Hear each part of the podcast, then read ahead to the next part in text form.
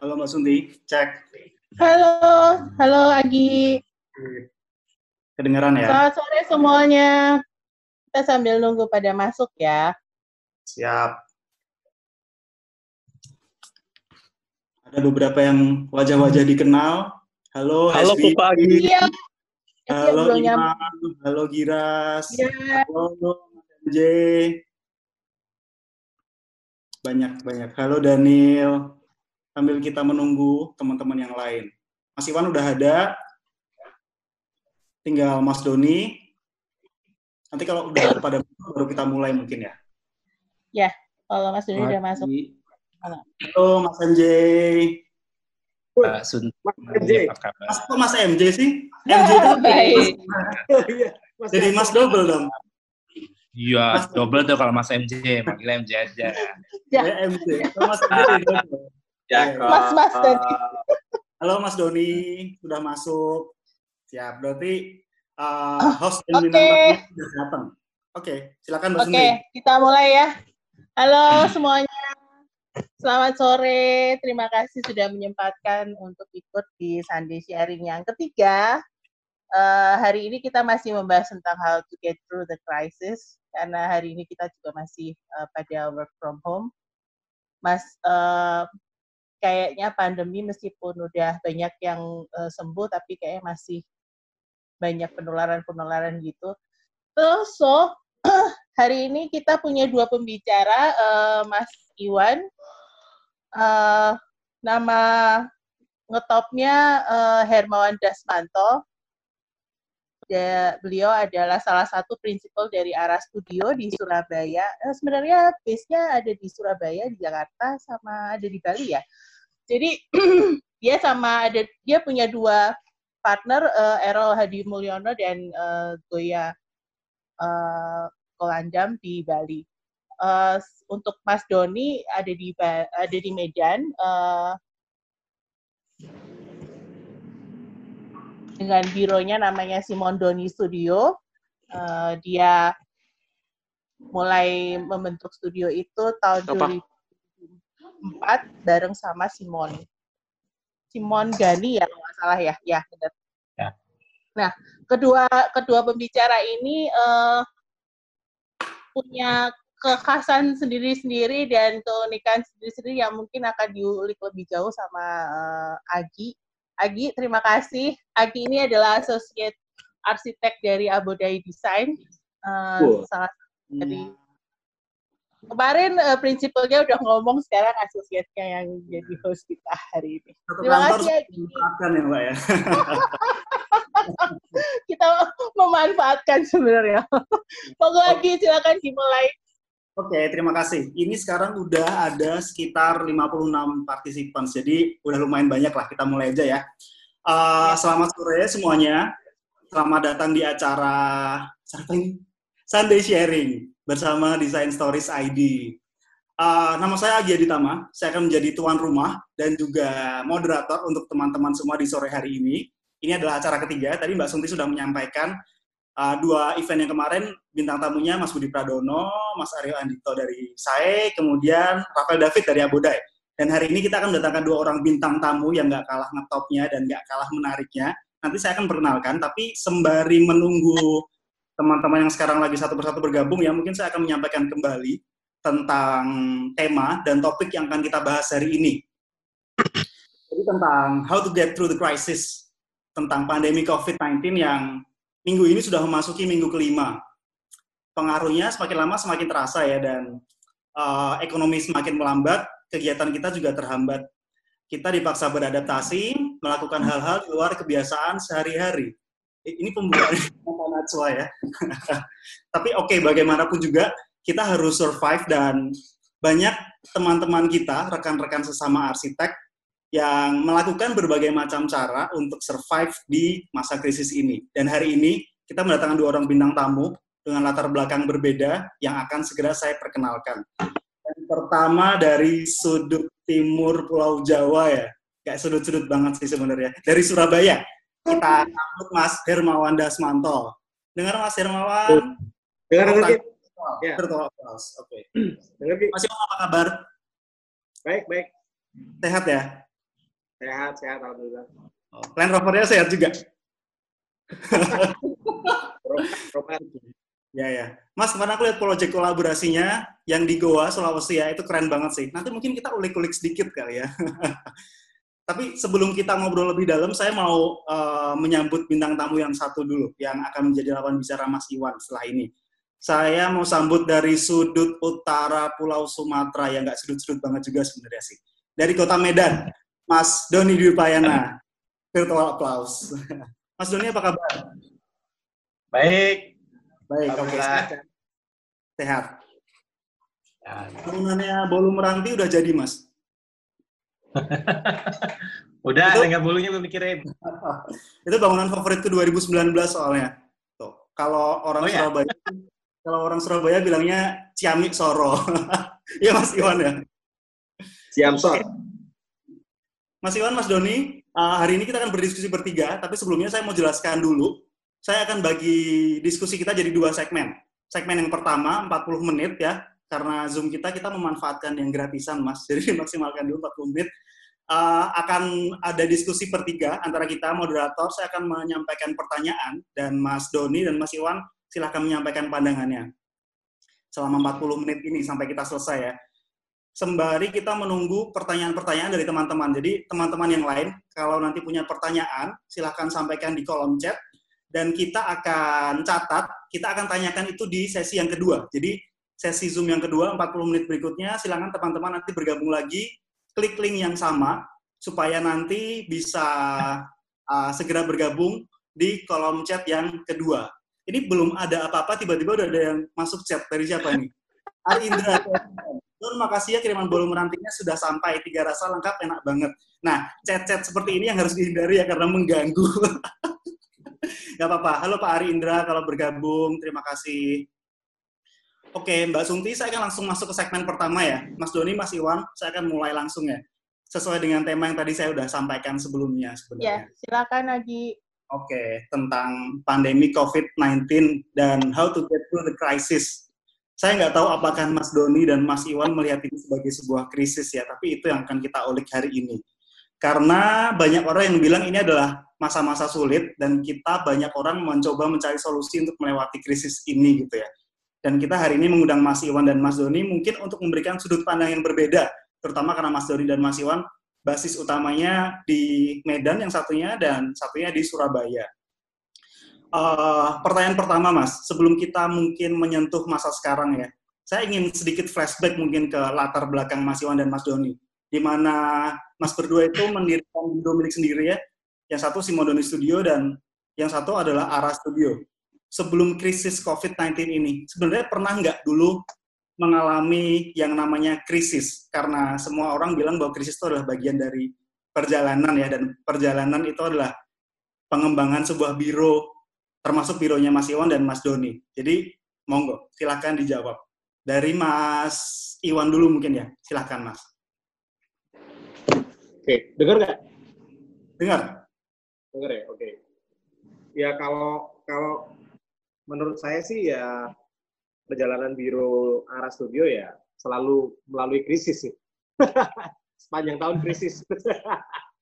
tiap tahun tiap tahun krisisnya beda-beda gitu maksudnya. Ya, maksudnya tiap tahun krisisnya beda-beda sampai oh, kalau arah studio sendiri kan uh, tahun 2009 ya. Berdirinya. Nah, selama masa berdiri 2009. Sebelum itu ada juga biro lain yang yang apa namanya yang pernah bikin, cuman yang uh, arah studio itu 2009. Cuman di 2009 tuh emang krisis banget satu proyek setahun satu proyek gitu. Jadi kan krisis kan. setahun satu proyek gitu. Terus eh, kalau satu proyek nilainya 2 M ya nggak krisis. Terus uh, akhirnya tahun 2010 atau 2011 tuh saya nyerah sih sebenarnya kayak saya tuh mau ngapain sih? gitu. Mau dapat duit susah banget gitu jadi arsitek gitu kan. Apalagi uh, kalau konteksnya di Surabaya tuh waktu itu itu memang uh, belum banyak belum banyak arsitek muda ya biro arsitek muda yang uh, bergeraknya lebih ke modern gitu ya kalau yang biru-biru lama banyak gitu, yang senior-senior banyak, cuman waktu itu memang uh, krisis banget. Makanya sampai di 2011 tuh saya sebenarnya memutuskan untuk uh, pertama berhenti jadi arsitek atau kedua itu saya ikut orang aja gitu mas. Nah waktu itu kan um, di awal-awal lulus saya kan memang coba apply ke mana-mana nggak diterima gitu di mana-mana kan. Terus jadinya akhirnya ya udah buka sendiri gitu. Terus di titik itu 2011 itu saya makin yakin saya harus ikut orang gitu karena saya kok makin nggak ke mana-mana gitu.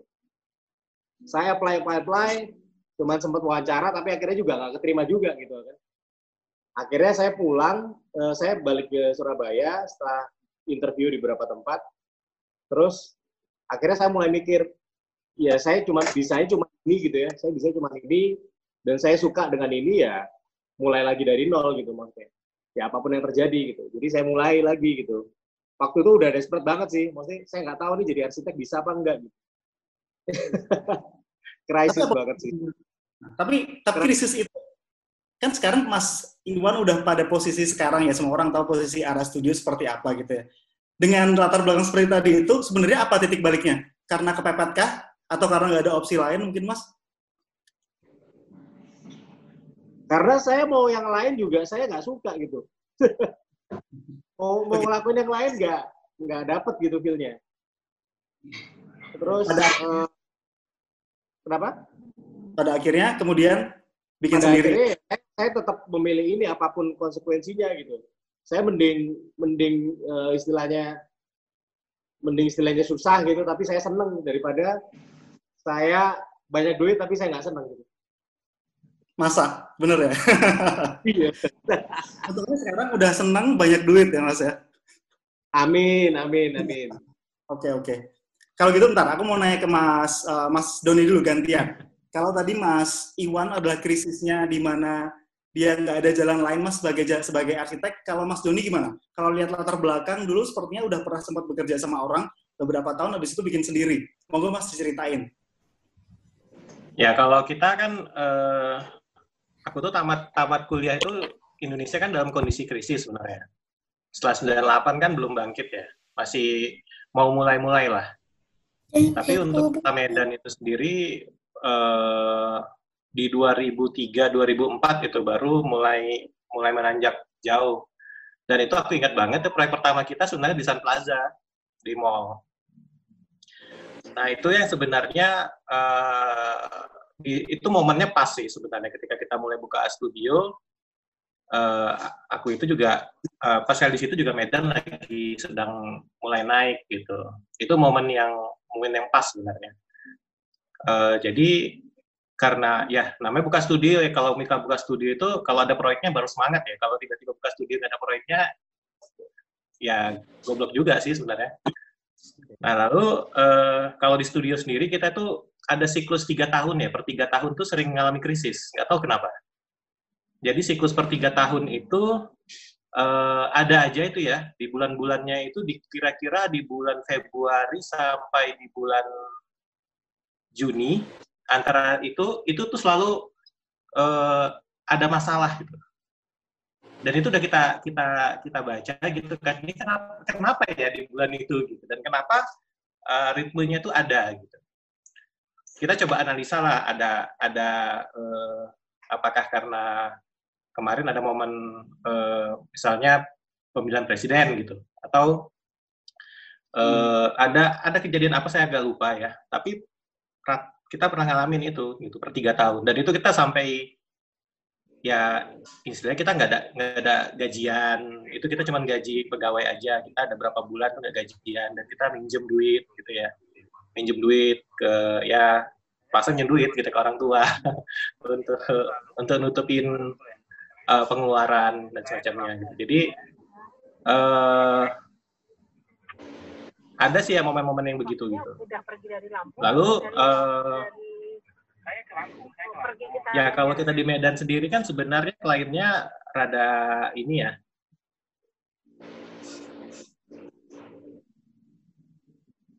Halo, Mas Doni. Halo, tes. Tes, ya. Dengar Mas Doni. Halo, Mas Doni. Mas Doni keputus ya kayaknya ya? Oh ya, sorry sorry. Putus ya. Ah. Uh, ya di Medan itu kliennya tuh kan ya ya gitulah gitu. Mungkin orang-orang Medan pada ngerti. Tapi kita itu di uh, kantor memang punya bukan strategi ya, mungkin juga bukan sesuatu yang patut di, tapi kita selalu ada punya proyek yang disimpan gitu. Proyek disimpan itu proyek nyari duit. Jadi kita tahu itu ada ada proyek yang untuk memang nyari duit gitu dan ada proyek yang memang harus dipampang-pampangin sih. Gitu.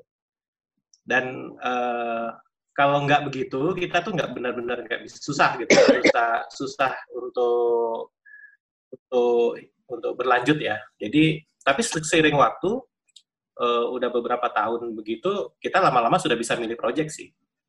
Uh, walaupun awalnya kita ya udahlah ini ada kita coba kerjain dulu tapi pelan-pelan pelan-pelan kita mulai ubah gitu ya ubah uh, walaupun susah tapi ya daripada misalnya daripada kita uh, mengalami kesulitan yang susah sekali gitu udah kita jalanin aja gitu. Oke. Okay.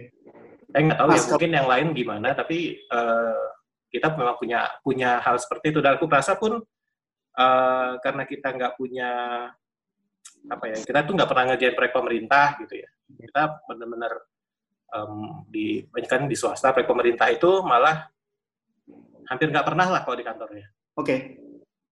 Mas Uni kalau boleh tahu ya proyek yang tadi ya. cuma proyek buat cari duit itu proyek kayak gimana? Misalnya ada buat rumah klasik. Oh bener ya. Kenapa ya di arsitek itu rumah klasik selalu dianggap cuma proyek cari duit ya? Bukan proyek buat dipampangin ya mas ya Padahal kayak Pak Pak apa namanya Pak Kiat kalau di Jakarta ya, itu kan proyeknya klasik-klasik dan bagus loh Mas ya. Kenapa sih nggak dipampangin aja Mas? Simon pampangin deh kayaknya. oh gitu ya.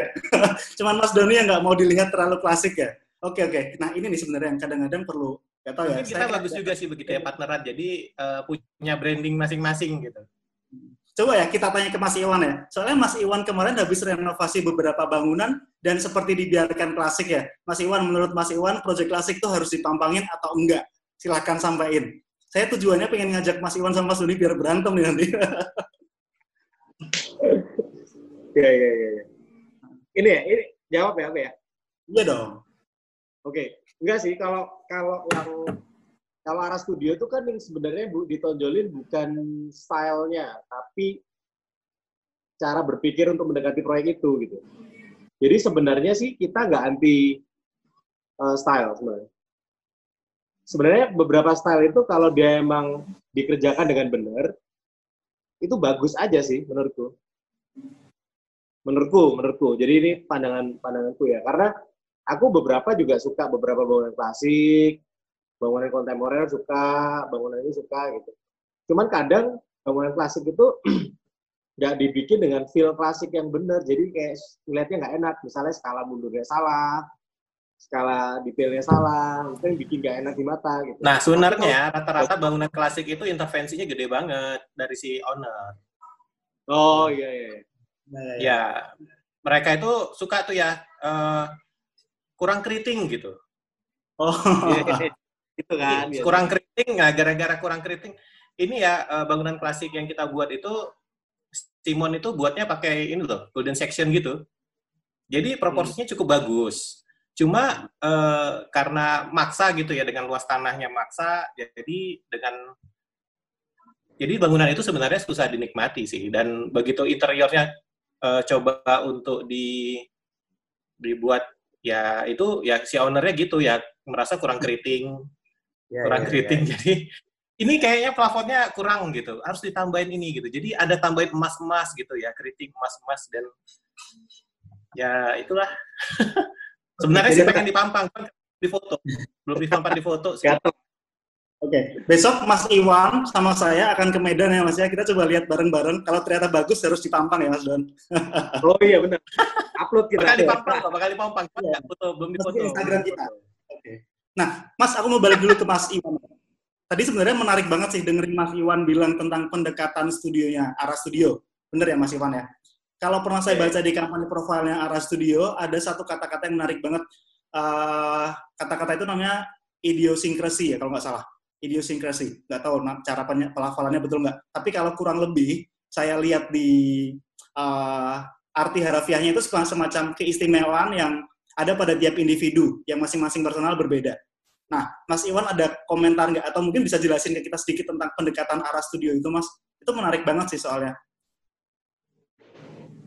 Oh, enggak sih sebenarnya ya sama lah. Ketika uh, semua orang berpartai itu kan sebenarnya punya kelebihan dan kekurangan masing-masing. Maksudnya tiap orang punya perspektif sendiri-sendiri gitu. Saya punya perspektif sendiri, Goya punya perspektif sendiri, Errol juga gitu. Dan sebenarnya memang nggak akan pernah bisa satu gitu nggak akan pernah bisa satu. Jadi makanya kita tuh selalu berusaha untuk membuat porsinya itu, maksudnya nggak berebut, dibagi aja. Oke, kalau bagian ini kamu yang komentarin, kalau bagian ini kamu komentarin, bagian ini kamu komentarin gitu. Jadi kita tahu porsinya masing-masing dan kita bagus di mana gitu. Itu aja sih sebenarnya. Jadi kayak terus kita tuh berusaha untuk me melihat satu proyek itu memang ya kayak saya bilang tadi sebenarnya kita kita nggak anti ke style sih, tapi kita lebih ini belum berhasil sampai sekarang di, maksudnya ini belum berhasil sampai sekarang. Menurutku di arah studio adalah membuat orang aware tentang bahwa yang kita lakukan bukan style gitu, tapi tapi sebuah pendekatan uh, yang spesifik tentang satu proyek. Tapi uh, ketika banyak ketemu sama orang-orang, memang orang selalu akan bilang, oh arah studio yang putih-putih itu ya, atau yang gimana gitu, ya, yang simple yang gini itu itu aku ngerasa sebenarnya masih belum berhasil sih Gi, untuk menginfokan uh, strategi studio kita gitu loh. Itu masih dibaca sebagai sebuah bentukan bentukan fisik yang uh, seperti itu gitu. Belum belum yang oh arah studio itu berusaha untuk nah itu itu itu yang jadi PR besar kita sampai sekarang gitu. Ya, ya.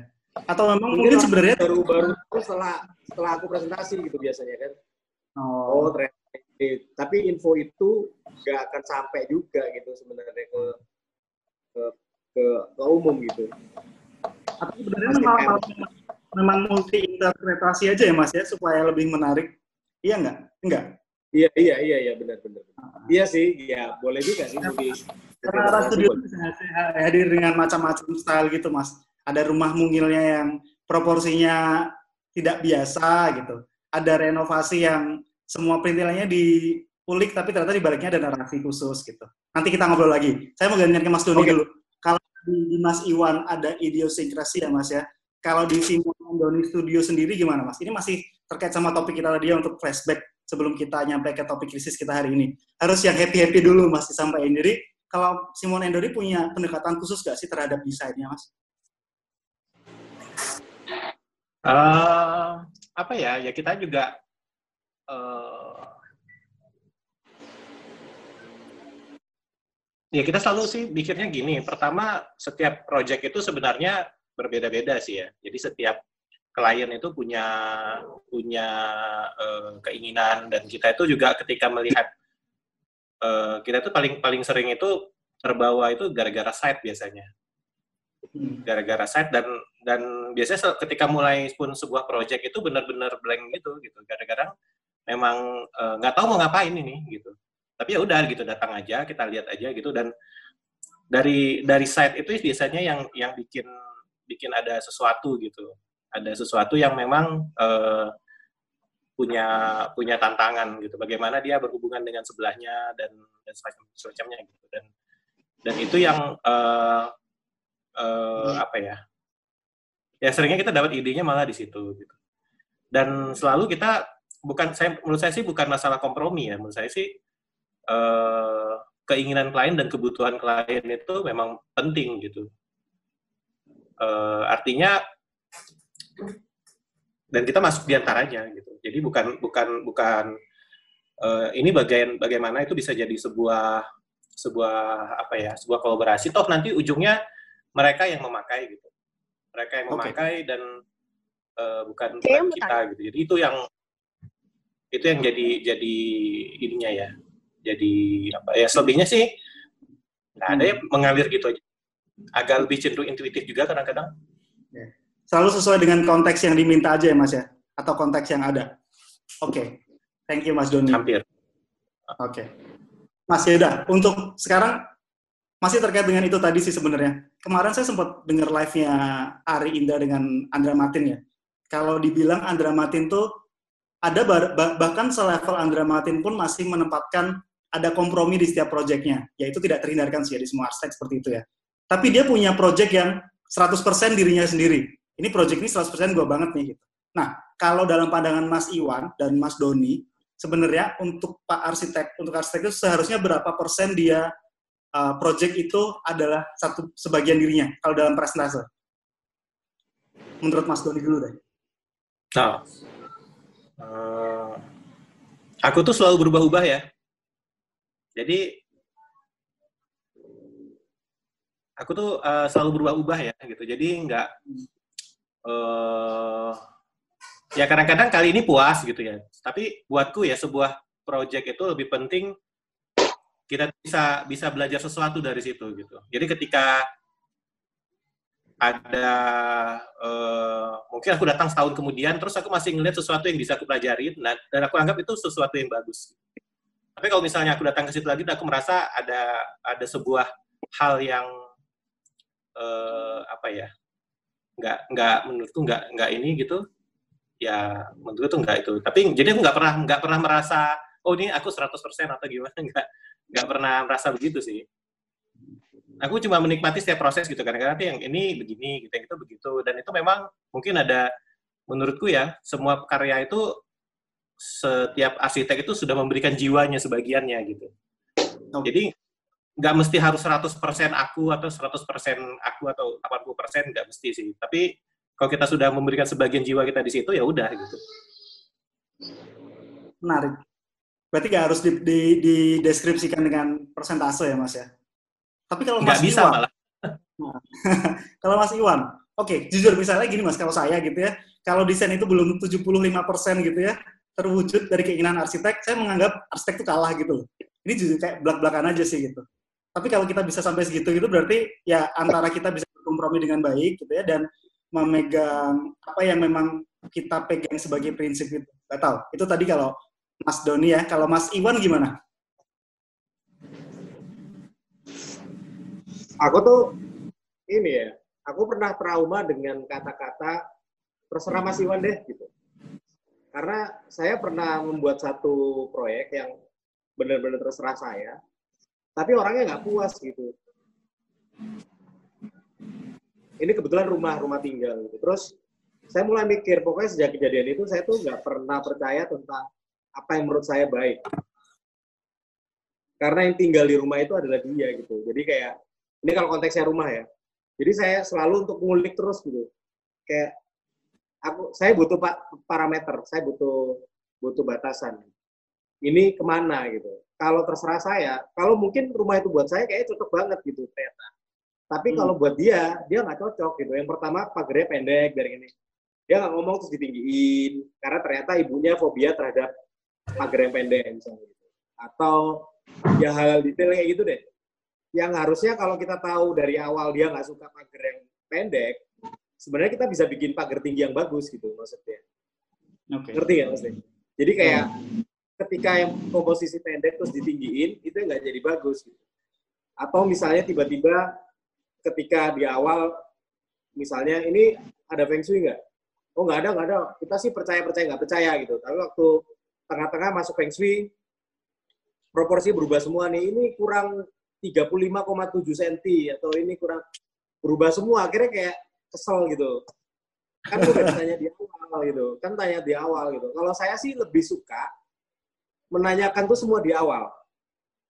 Ya. jadi kita bekerja berdasarkan apa yang kita sepakati bersama gitu. Oke. Okay. mungkin kalau punya kesempatan satu saat saya disuruh mendesain apa yang saya benar-benar suka ya kamu nggak boleh komplain gitu. Tapi kalau kamu komplain berarti ini benar-benar bukan terserah saya gitu. Makanya di titik itu saya saya udah nggak pernah bilang terserah saya. Saya nggak mau. Saya pasti balik. Begitu dia bilang terserah Mas Iwan gitu, saya langsung kasih pertanyaan-pertanyaan detail. Oke. Okay. Kayak gitu sih. Termasuk untuk Mas Iwan dan Mas Doni ya. Termasuk untuk proyek pro bono harus Tapi ada namanya namanya arsitektur ya kalau nggak ada konflik nggak menarik sih. Jadi harus ada konflik. Oke, oke, oke. Iya. Ya, harus betul, ada konflik lah. Tapi kalau saya konflik itu diatur, maksud saya. Oke. Okay. Nah, ya, nah konflik, mengaturnya itu kan masing-masing porsi tinggal ini. Iya. Oke deh. Konflik tuh ada konflik yang mengganggu, ada konflik yang memang bisa bikin desain jadi bagus gitu.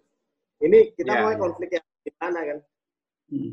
Contohnya Mas, kalau konflik yang membuat desain jadi lebih bagus, konflik yang desain bagus itu ya biasalah. Kadang tuh gimana ya?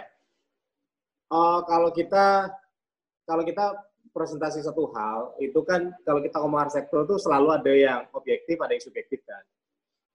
Hmm. Eh, sebisa mungkin dalam beberapa tahapan presentasi desain tuh saya saya selalu berusaha masukkan pondasi-pondasi dasarnya tuh satu yang objektif dulu gitu. Baru touch up-nya satu yang subjektif karena pada saat di awal kita masukkan sesuatu yang subjektif dan gak rasional, perdebatannya jadi debat kusir gitu. Jadi kayak like or dislike gitu. oke. Kalau saya sendiri kan menganggap kalau saya, kalau saya karena sebenarnya banyak tipe praktek sih. Ada yang menganggap bahwa arsitek adalah seniman dan segala macam. Mungkin saya bukan tipe yang seperti itu. Mungkin Hmm. saya tipe orang yang suka lebih menggali apa yang harus saya pecahkan daripada saya mau membuat sculpture saya sendiri gitu. Itu sih sebenarnya. Oke, menarik. Jawaban Mas Dodi dan Mas menarik banget. Oke. Eh, saya akan beralih ke pertanyaan selanjutnya, Mas. Jadi, kalau tadi dengan semua yang telah Mas Iwan dan Mas Doni eh, rasakan dalam perjalanan pengembangan karir, pengembangan bironya gitu ya, dan krisis yang tadi Mas Iwan bilang setahun sekali ya, Mas ya. Mas Doni bilang tiga tahun sekali. Ini banyakkan Mas Iwan sih. nah, untuk pada titik sekarang, stabil. Memang kadang-kadang citra seseorang itu kalau dilihat dari virtual nggak kelihatan punya krisis loh padahal mas kalian berdua. Tapi dari krisis-krisis yang terjadi tadi itu ya, eh, ada kayak semacam mental mapping yang kemudian terbentuk secara kuat yang mas eh, menjadi kayak pegangan di titik sekarang nggak? Pelajaran besar lah istilahnya. Yang sekarang membuat mas berdua jadi lebih istilahnya apa ya? Lebih resilient, lebih luas menghadapi keadaan yang akan terjadi. Mas Doni dulu mungkin. Nah, gini, eh, kebetulan tuh ya, ketika aku memulai biro itu, aku juga memulai bisnis yang lain bersamaan. Jadi, aku kebetulan buka buat eh, clothing gitu ya, toko Medan, dan aku pikir itu penting sih, penting bahwa eh ya buat buatku ya, aku kalau ngeliat di Medan ya, kayaknya arsitek itu mesti punya punya ini deh, mainan lain gitu selain selain birunya gitu. Dan dan kalau uh, kalau bisa jangan jangan di line yang sama gitu. Misalnya ini arsitektur dan satu lagi mungkin kontraktor. Dan itu kayaknya menurutku itu agak berbahaya ya ketika ada satu krisis dua-duanya bisa kena jadi kalau misalnya ya pada saat uh, aku menjalani ini sebenarnya ketika kantor sedang krisis aku punya backup nih gitu Hmm. aku punya backup saat itu. Tapi ini gini ya, uh, ada dua hal ya antara uh, krisis yang untuk secara pribadi atau dari dari studio ya. Jadi uh, tadi aku ceritain dari sisi pribadi karena sering tercampur-campur ya. Ketika orang mengalami krisis nanti um, pemasukan tuh hanya dari satu gitu. Jadi uh, dari situ sih aku mulai berpikir bahwa kita itu memang harus punya punya dua punya hal lain yang yang membackup itu satu yang kedua eh, kalau di kantor kita jadi punya kebiasaan untuk punya apa ya eh, walaupun ya pas-pasan ya tapi diusahakan untuk menabung untuk menabung jadi memang kita eh, punya persiapan lah kalau ngadepin ngadepin karena sudah sering gitu ya udah tahu jangan sampai ini minjem lagi gitu. jangan sampai ngadepin yang eh, kondisi-kondisi begitu lagi dan kita harus harus siap uh, dari situ yang yang kita pelajari lah. Oke. Uh, mungkin itu ya. Selebihnya sih saat ya lebih lebih ini ya lebih jadi lebih aware aja gitu. Jadi ketika kita sudah kalah, sudah punya uh, apa ya? Jadi sebelum kejadian ini kita sudah mungkin dua bulan sebelumnya kita udah udah mulai mikir gitu. Ini kayaknya bakal ada sesuatu gitu. Jadi dari situ ada sedikit intuitif lah ya kita sering ngalamin gitu kan jadi uh, ini harus ngapain nih gitu harus harus gimana terus lihat nih projectnya gimana gitu Intuisinya selalu tepat atau pernah miss? gimana intuisinya selalu tepat atau pernah miss? Ada yang tepat, ada yang, tapi kan kita kalau misalnya namanya krisis ya kalau nggak krisis ya alhamdulillah kan. Tapi kalau misalnya kita nggak kita udah lebih siap gitu aja. Oke. Ya. Kalau Mas Iwan sendiri tentang kalau tadi sebenarnya poin yang menarik itu adalah diversifikasi bisnis ya Mas Doni ya berarti ya. Kemudian yang kedua tadi adalah dana cadangan, betul ya. Kalau Mas Iwan sendiri kalau secara mental karena pernah ngalamin yang paling buruk dan mungkin lebih buruk dari sekarang jadi ya aku ngerasa sebenarnya ya lebih santai sih. Oke. Okay. Santai itu maksudnya bukan berarti terus saya nggak mau Santai itu oh iya aku pernah pernah mengalami kejadian yang lebih buruk dari ini sebenarnya. Dan aku pikir sih secara mental aku udah siap untuk apa ya menerima oke okay, di sini ngapain gitu. Nah sebenarnya apa yang sudah kita lakukan tuh sebenarnya kita tuh selalu siap sebenarnya enam bulan ke depan tuh kita udah punya dana cadangan sebenarnya kalau secara ini ya jadi enam bulan tuh kita selalu udah punya backup kalau terpaksa kita memang nggak ngapa-ngapain. Oke okay. dan biasanya ya, apa tuh ya enam, enam bulan dana cadangan yang aman betul ya sih bulan. Minimum sih bagusnya setahun sebenarnya. Kita pernah coba setahun tapi memang uh, akhirnya uh, dananya kan gede banget enam bulan. Biasanya gini seperti yang Mas Doni cerita uh, tentang beberapa siklus itu memang terjadi juga sih. Makanya saya bilang tiap tahun kadang tiap tahun tuh ceritanya macam-macam dan kita nggak bisa menebak karena pola agak nggak berpola sih kalau di arah studio ya. Oke. Okay. Uh, eh, agak susah ditebak polanya gitu. Kadang kadang ramenya di bulan apa, ntar tiba-tiba nggak ada kerjaan, ntar apa gitu. Nah kita tuh biasanya krisis tuh biasanya ya pernah kita lewati itu nggak lebih dari empat bulan mungkin biasanya mentok tiga bulan ntar tiba-tiba ada aja yang misalnya kayak oh ya nih uh, minta bantu desain atau apa gitu. Oke okay, mas. Uh, karena kita waktunya udah mau semenit lagi habis ya kita akan hold dulu sebentar jawabannya. Ditahan tadi dari uh, jawabannya di mana harus berjaga-jaga itu tadi. Kita akan gabung lagi setelah ini supaya jawabannya bisa mengalir lebih enak. Oke okay, mas Iwan? Oke okay, oke. Okay. Mas Doni, Mas Iwan, kita akan bergabung lagi segera, teman-teman. Kita akan putus dulu di sesi yang pertama ini. Silakan diklik lagi link yang tadi sudah disebarkan di awal. Kita akan ketemu di sesi yang kedua. Pertanyaan masih banyak, jadi teman-teman kalau masih mau nanya, tulis saja di chat. Kita akan tanya, tanyain ke dua narasumber kita ini setelah ini. Oke? Okay? Mbak Sunti, saya kembalikan ke Mbak Sunti. Silahkan kita proceed ke sesi yang berikutnya. Oke, sampai ketemu Bentar lagi, kita cut dulu. Oke. Okay.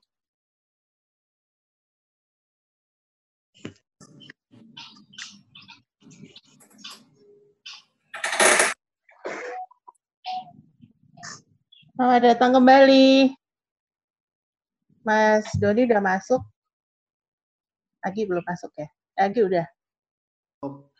Halo semuanya. Mas Doni, Mas Iwan juga sudah ya berarti ya? Mas Iwan. Mas Iwan mana ya? Kita tunggu. Uh, mungkin sambil nyambung udah. agak. Udah ya? Oke. Okay. Udah, udah masuk Mas Iwan. Yang lain, uh, ternyata obrolan kita sangat seru ya teman-teman. Saya nggak menyangka akan mendapatkan jawaban yang sangat menarik dari Mas Doni dan Mas Iwan. Dan bahkan 40 menit tadi baru habis hanya untuk tiga pertanyaan. Jadi mungkin setelah ini uh, saya akan selang-seling. Jadi pertanyaan dari saya, kemudian akan disambung dengan pertanyaan dari teman-teman yang tadi sudah menyampaikan pertanyaan di kolom chat. Saya akan tanyakan satu persatu. Itu Mbak Sumi apa? Kita agak improvisasi sih. Silakan. Jadi kalau ya, teman-teman uh, tadi sudah bertanya, jangan khawatir. Saya akan tetap tanyakan pertanyaannya. Tapi sebelum itu, saya mau mendengarkan lanjutan jawaban dari Was Iwan dulu tentang mental mapping yang tadi sudah terbentuk setelah sekian lama ini menggeluti dunia ini, Mas Iwan. Monggo silakan. Setelah tadi bisa mendapatkan mental yang santai, apakah yang terjadi? Mas Iwan kayaknya masih connecting ya? Udah, udah. Bisa ya? Oh, udah. Oke, Mas Iwan. Ya? Monggo, okay. lanjutkan. Ya sih, kalau kalau dari siklus yang terjadi itu kita memang biasanya akan selalu siapin dana untuk enam bulan ke depan. Tapi sebenarnya ketika kita akan melewati empat bulan pertama dan kemudian kira-kira di enam bulan itu nggak ada perbaikan, kita tuh biasanya mulai merubah strateginya menjadi gimana cara survive untuk setahun. Misalnya mulai mengurangi gaji-gaji prinsipal sih sebenarnya. Jadi gaji-gaji prinsipal di-cut semua. Nah, nanti itu bisa berupa beban hutang di akhir tahun atau kita kembalikan uh, next setelah ada keuntungan di perusahaan. Tapi yang pasti sih karyawan-karyawan mesti tetap. Kalaupun skenario terburuk kita gak gajian tuh nggak masalah sebenarnya. Maksudnya nggak masalah. Maksudnya itu prioritas kita tetap pada karyawan. Gitu Jadi enam bulan tuh dengan catatan di tiga empat bulan setelah krisis dan ketika kita melihat tiga atau dua bulan baik, biasanya kita akan merubah strategi untuk gaji dan segala macam agar disesuaikan gitu, terutama untuk prinsipal dan lain-lain. Oke, okay, menarik. Gitu. Idaman banget ya kayaknya arah studio ya Mas ya. Teman-teman yang mau cari tempat kerja untuk apply, arah studio kalaupun kena krisis kalian nggak akan dipotong gajinya.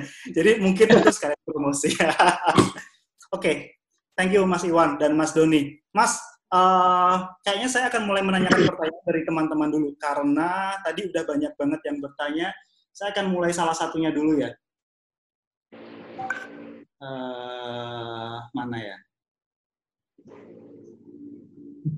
Tunggu sebentar. Satu pertanyaan pertama dari Andri Saputra. Saya yang bertanya kepada dua narasumber.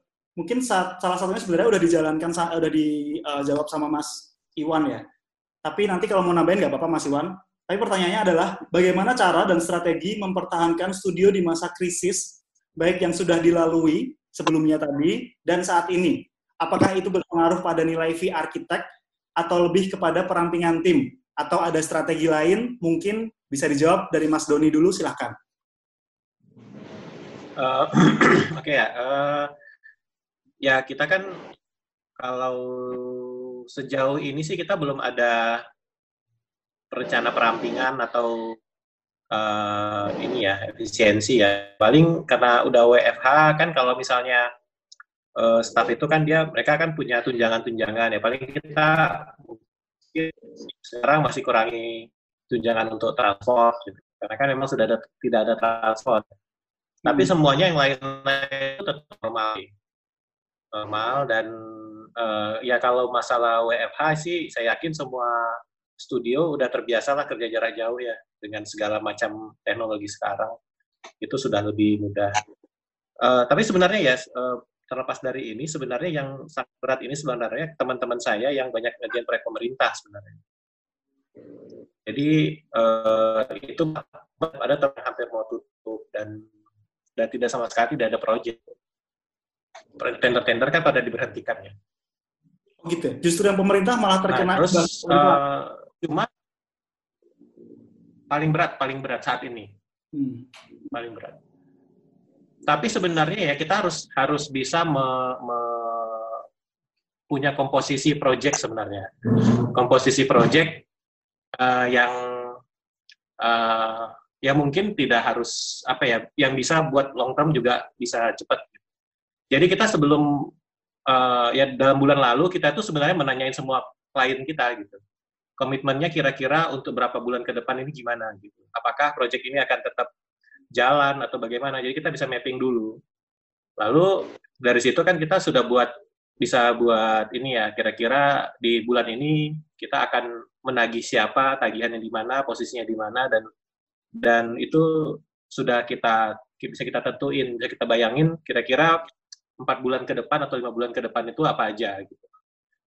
Nah, eh, lalu dari sana ya kita tanya tadi itu kita tanya itu sejauh ini sih proyek kita itu belum ada yang berhenti. Sejauh ini sih belum ada yang hold, eh, malah ada nambah malah.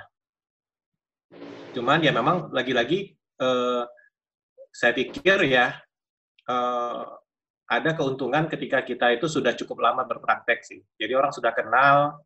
Uh, uh, saya kan uh, arsitek itu kan profesi yang maraton ya.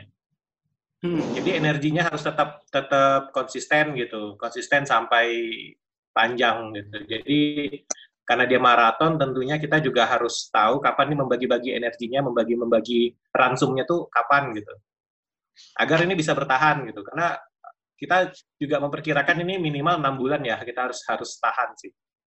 Oke. enam bulan. Tapi nggak tahu nih setelah itu gimana. Tapi mungkin seperti kata Mas Iwan, mungkin ya pasti kan setiap bulan di, di review kan. Setiap bulan di review ini kemungkinan bagaimana nanti itu. Kita sih ya sejauh ini kan karena nggak ada yang hold ya masih happy gitu ya.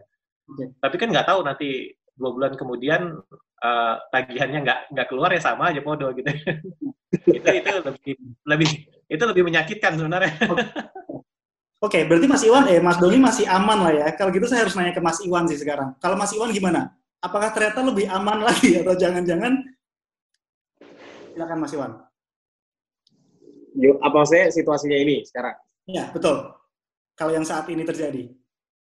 Saat ini terjadi nggak tahu ya. Oh, ini kan baru lima minggu ya. Lima minggu tuh yang kerasa tuh sebenarnya kalau proyek yang udah berjalan desainnya sebelum pandemi, itu mereka tetap lanjut.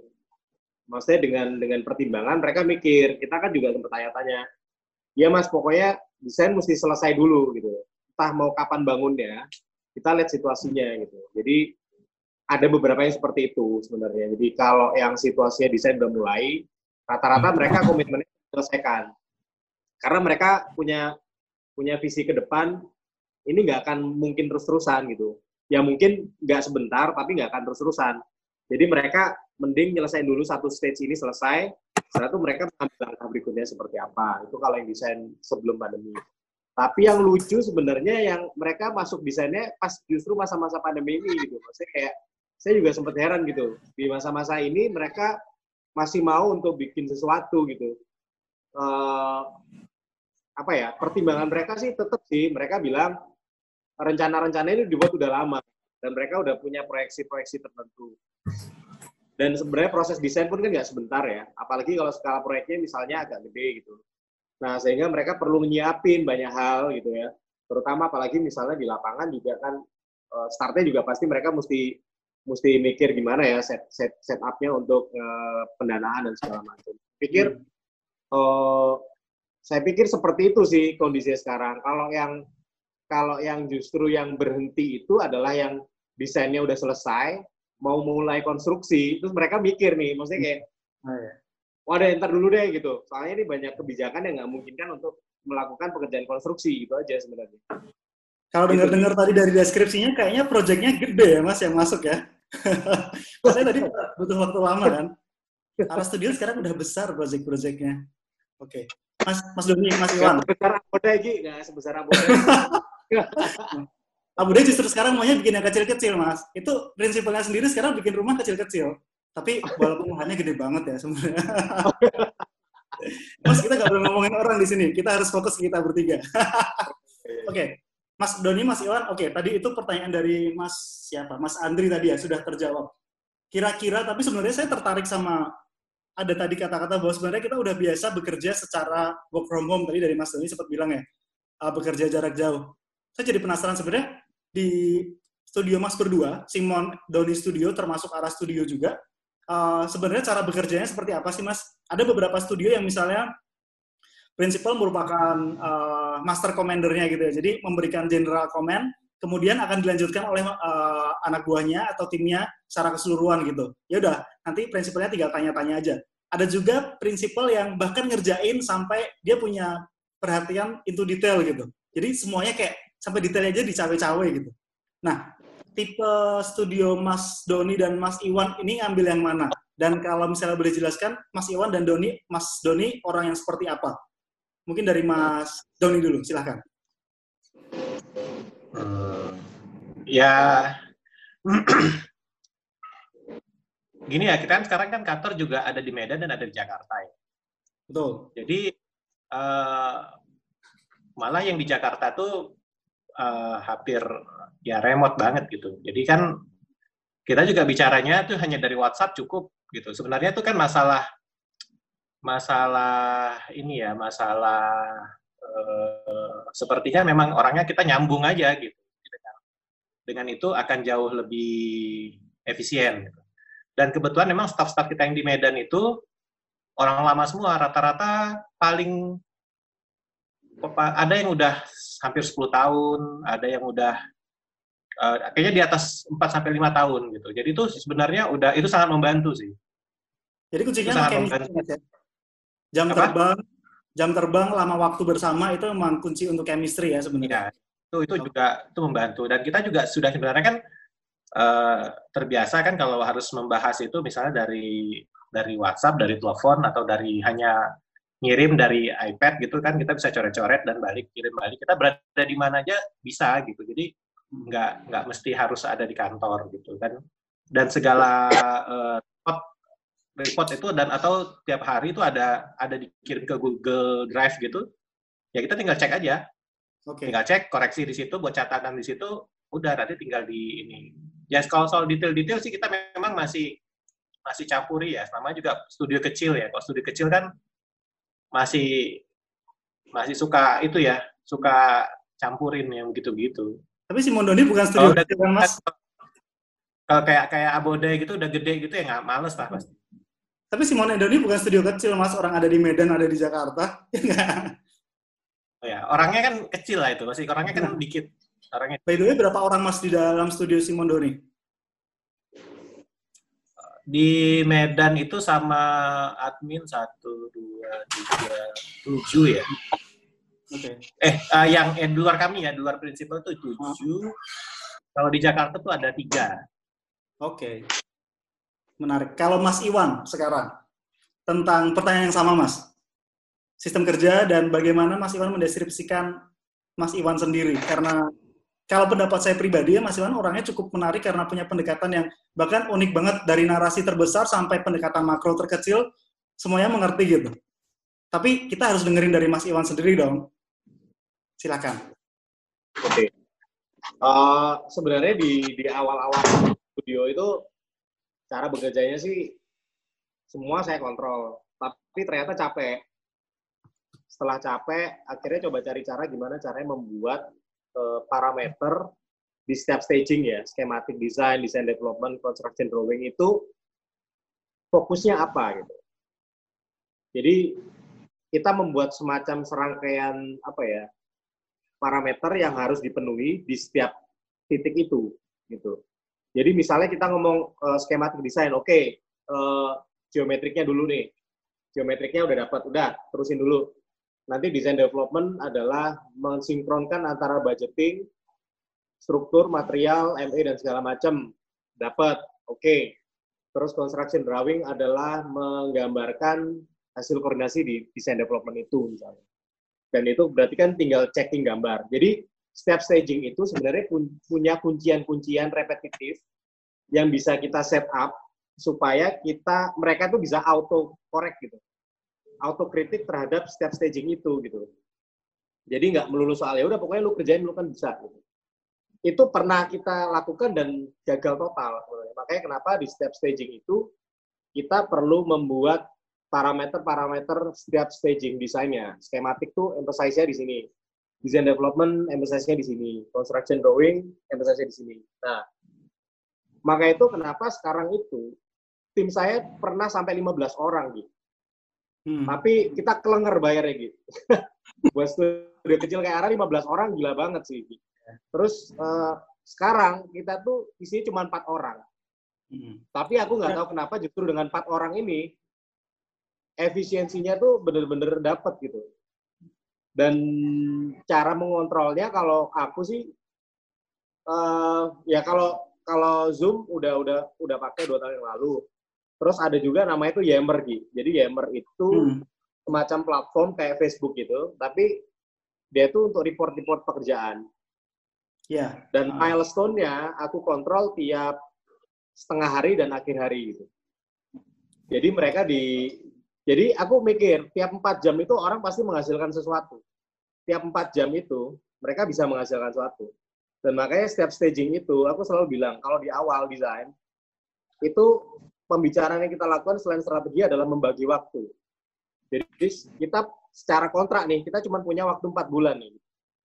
Kalau empat hmm. bulan kita bagi skematik misalnya cuma berapa hari kerja, berapa hari kerja dibagi menjadi berapa jam, dan di sekian jam itu kita memproduksi apa.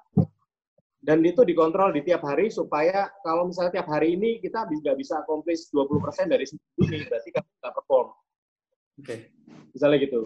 Dan itu bisa dikontrol di tiap setengah harinya gitu. Yeah. Kalau aku boleh ini ya, kalau pernah ya Yammer tuh banyak sih sebenarnya platform banyak, cuman kita pilih Yammer sebenarnya lebih karena gampang aja sih sebenarnya gampang. Jadi tiap setengah hari itu ketika mereka selesai, mereka istirahat tuh jam 12 sampai jam 1, mereka istirahat makan, gue lihat ininya, gue lihat report-reportnya.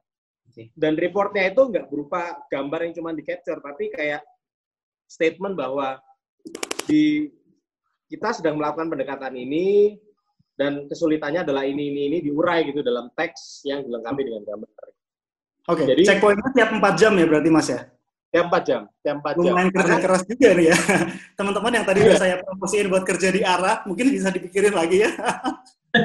Makanya sebenarnya sebenarnya nggak banyak yang mau masuk arah. Kalau di Surabaya sih mereka udah bilang, aduh ngeri deh masuk arah gitu. Karena kayak lu nggak akan bisa berhenti gitu. Yeah. Tapi sebenarnya aku justru menerapkan ini supaya gini, kenapa tiap 4 jam, 4 jam dikontrol supaya mereka punya milestone yang real, terus di akhir hari mereka nggak akan lembur gitu. Oh, Jadi mereka betul, masih betul. punya buat mereka sendiri gitu loh. Ngerti ya? Yes. Paling, paling gampang ya, paling gampang. Misal lu bikin denah ya. Bikin denah kalau lu nggak tahu caranya, antara setengah hari sama satu hari sama lo gitu. Hmm. Kebingungannya sama gitu. Hmm. Tapi kalau kita udah mulai mengurai di setengah hari, oh anak ini kesusahan di sini nih. Kita tinggal kasih clue aja, coba kamu cek dengan tetap-tetap dah. Gitu. Oke. Okay. Sudut pandang yang menarik banget. Oke, okay, Mas. Thank you jawabannya. Uh, mungkin itu tadi sebabnya jadi dari 15 orang jadi empat orang ya mas ya. mungkin bukan efisiensi itu mungkin kerja keras. mas, oke okay, karena pertanyaannya banyak banget ya, saya akan beralih ke pertanyaan kedua. Ada pertanyaan dari rekan kita Hesbi Riandi. Oh ya, saya kenali. Hesbi, halo Hesbi. Uh, halo, saya mau bertanya mas untuk, nah karena uh, Hesbi ini adalah prinsipal di salah satu biro paling naik daun, lumayan naik daun di Indonesia, Delusion dan dia bertanya masalah bisnis ini. Ini pertanyaannya happy banget nih Mas. Untuk fundamental bisnis dari Mas Iwan dan Mas Doni untuk menjalankan bisnis di dunia arsitektur, apakah ada panutannya? Kemudian sebuah perusahaan di luar sana atau sebuah studio di dalam di dalam negeri? Dan apa yang dipilih jika dihadapkan untuk memilih idealisme dalam berkarya atau idealisme dalam berbisnis? Ini pertanyaan mewakili orangnya banget nih. Silakan dijawab mungkin dari Mas Doni dulu ya. Uh, kita sih nggak tahu ya isi dapurnya orang-orang lain tuh kayak apa gitu. Hmm. Tapi aku pikir sepertinya tidak ada format yang benar-benar pasti ya untuk setiap orang dan setiap tempat. Gitu. Kita kan punya ya kenapa kita 2004 aku pikir juga perkembangannya cukup lambat sebenarnya. Ya bandingkan misalnya dengan Aboda yang tahun 2000 berapa gitu ya. Nggak beda jauh ya. Kan beda tuh nasibnya. Saya nggak tahu mas. Nah, saya masih cuman waktu itu. ya aku pikir gini sih. Jadi nggak ada format yang bener pasti gitu. Kadang-kadang kita bisa ngambil dari si A oh ini cocok nih gitu. Atau dari ini dari si B ini cocok gitu. Tapi belum tentu plug gitu. Karena ini sangat uh, sangat ya kita kecil gitu. Kalau kecil ini jelas pengaruh uh, peran serta si prinsipal atau uh, sifatnya si prinsipal itu masuk di situ.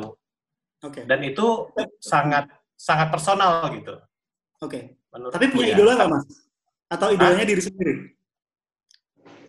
Kalau mengidolakan kantor ya nggak nggak nggak tahu ya, nggak ada sih, belum belum ini ya karena nggak tahu sih aku dapur-dapur orang lain jarang-jarang nanya juga gitu. Cuma okay. memang uh, ya aku tuh belajar bisnis malah dari toko tokonya aku itu. Ini itu ya? aku belajar bisnis gitu dan di situ aku ngalamin rugi, ngalamin uh, ya sempat ya ngalamin rugi dan macam-macam dan itu belajar dari situ. Jadi ketika belajar dari situlah aku berpikir bahwa uh, kalau ya kalau mau kantor kecil atau kita batasin project, kita ini mau projectnya seperti apa gitu kan. Visinya dari awal projectnya seperti apa. Kalau misalnya projectnya ingin project gede ya kita sudah siapin infrastruktur yang untuk siap untuk gede gitu dan uh, jadi ketika satu titik uh, kita tuh mikir bahwa apa lebih bagus membuat kecil gitu ya kayak arah gitu kita juga sekarang sudah mulai efisien, efisien kan udah nggak banyak lagi kayak dulu dulu sempat sampai ada eh, uh, 10 orang lebih gitu itu di Medan aja uh, atau kita kecil tapi kita punya beberapa gitu. Dan aku pikir lebih bagus. Di Jakarta juga ya, Mas ya? Apa? Itu itulah mengapa ada di Jakarta juga ya sekarang ya. Iya, iya. Dan aku, dan kita pikir itu akan lebih efisien begitu gitu. Uh, efisien yang ya kita beberapa orang dan itu bisa bisa jalan uh, artinya kadang-kadang proyek di Medan dikerjakan di Jakarta dan ada proyek Jakarta itu dikerjakan di Medan. Jadi dua-duanya sama-sama berprestasi ya Mas ya? Apa? Dua-duanya sama-sama berprestasi. Jakarta, Sejauh ini ya bagus. Medan. Sejauh ini sih bagus ya. Maksudnya masih oke okay lah. Okay. Ya, kita masih belum tahu ya, kayaknya sih masih masih bagus-bagus aja, masih jalan lah.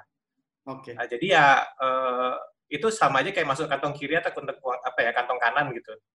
Dan dan nggak nggak mempengaruhi banyak gitu dari dari dari apa ya uh, masukan ininya gitu. Nah kecuali kita memang seperti tadi gitu ya kalau punya uh, bisnis dari hulu ke hilir, nah itu yang mungkin uh, di saat-saat seperti ini tuh tantangan banget gitu.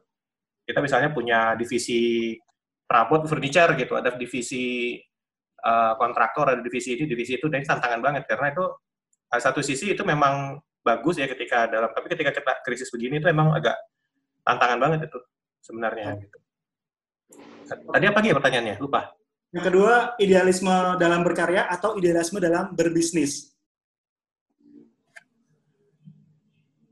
Uh, nggak ngerti juga ya soal idealisme ini apa gitu. Tapi menurut kami ya sejauh ini kita melakukan segala sesuatunya itu ya dengan happy happy ya terus uh, dan dan paling penting itu sebenarnya kita selalu mengunci di ujung gitu. Jadi saya selalu bilang kalau uh, karya itu selalu dinilai itu di ujung di akhir. Yang penting itu harus jadi baik bagus dan apa pun kita saat itu harus ada konflik dengan siapa pun berantem atau apa itu orang udah nggak peduli gitu. Makanya kita kebanyakan dulu tuh kita tuh banyak ya proyek-proyek yang uh, apa ya dipanggil kembali gitu. Jadi dari klien lama itu manggil lagi buat ini, buat ini, buat ini gitu. Jadi kita dari pertama sekali mendirikan biru itu nggak pernah nggak pernah sepi project sih sebenarnya. Wah, ini sombong terselubung juga ya mas ya. Tapi okay. uh, eh, ya sering kita happy sih, tiba-tiba jalan nggak bayar gitu. Oke, oke. Eh, tapi kita nggak pernah nggak pernah ada klien yang random gitu. Hampir hampir jarang sekali ada klien yang random tiba-tiba tiba-tiba dari Instagram atau dari mana hmm. itu ada, tapi itu jarang sekali. Okay. Jadi kita tuh Berarti makanya kenapa di Instagram kita itu nggak pernah nggak perlu nggak pernah atraktif atau bagaimana asal-asalan dan kita nggak pernah memang karena e, bertahun-tahun ini kita tuh nggak pernah dapat klien tuh dari Instagram atau dari dari yang media-media lain gitu, selalu memang dari mulut ke mulut, bahkan proyek di Jakarta juga begitu. Oke, okay. menarik mas. Hmm. Soalnya beda banget Instagramnya Simon Doni Studio sama Instagramnya Ara Studio. Kalau Ara Studio udah belasan ribu soalnya followersnya mas. Nanti kita tanya ke Mas Iwan ya. Tapi saya mau nanya lebih dulu ke Mas Iwan pertanyaan yang tadi.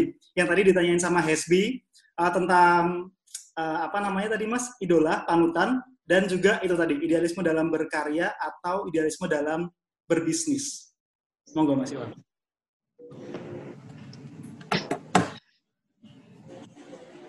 Jadi uh, yang itu ya, yang apa namanya, yang untuk idealisme berkarya atau berbisnis itu ya. Hmm.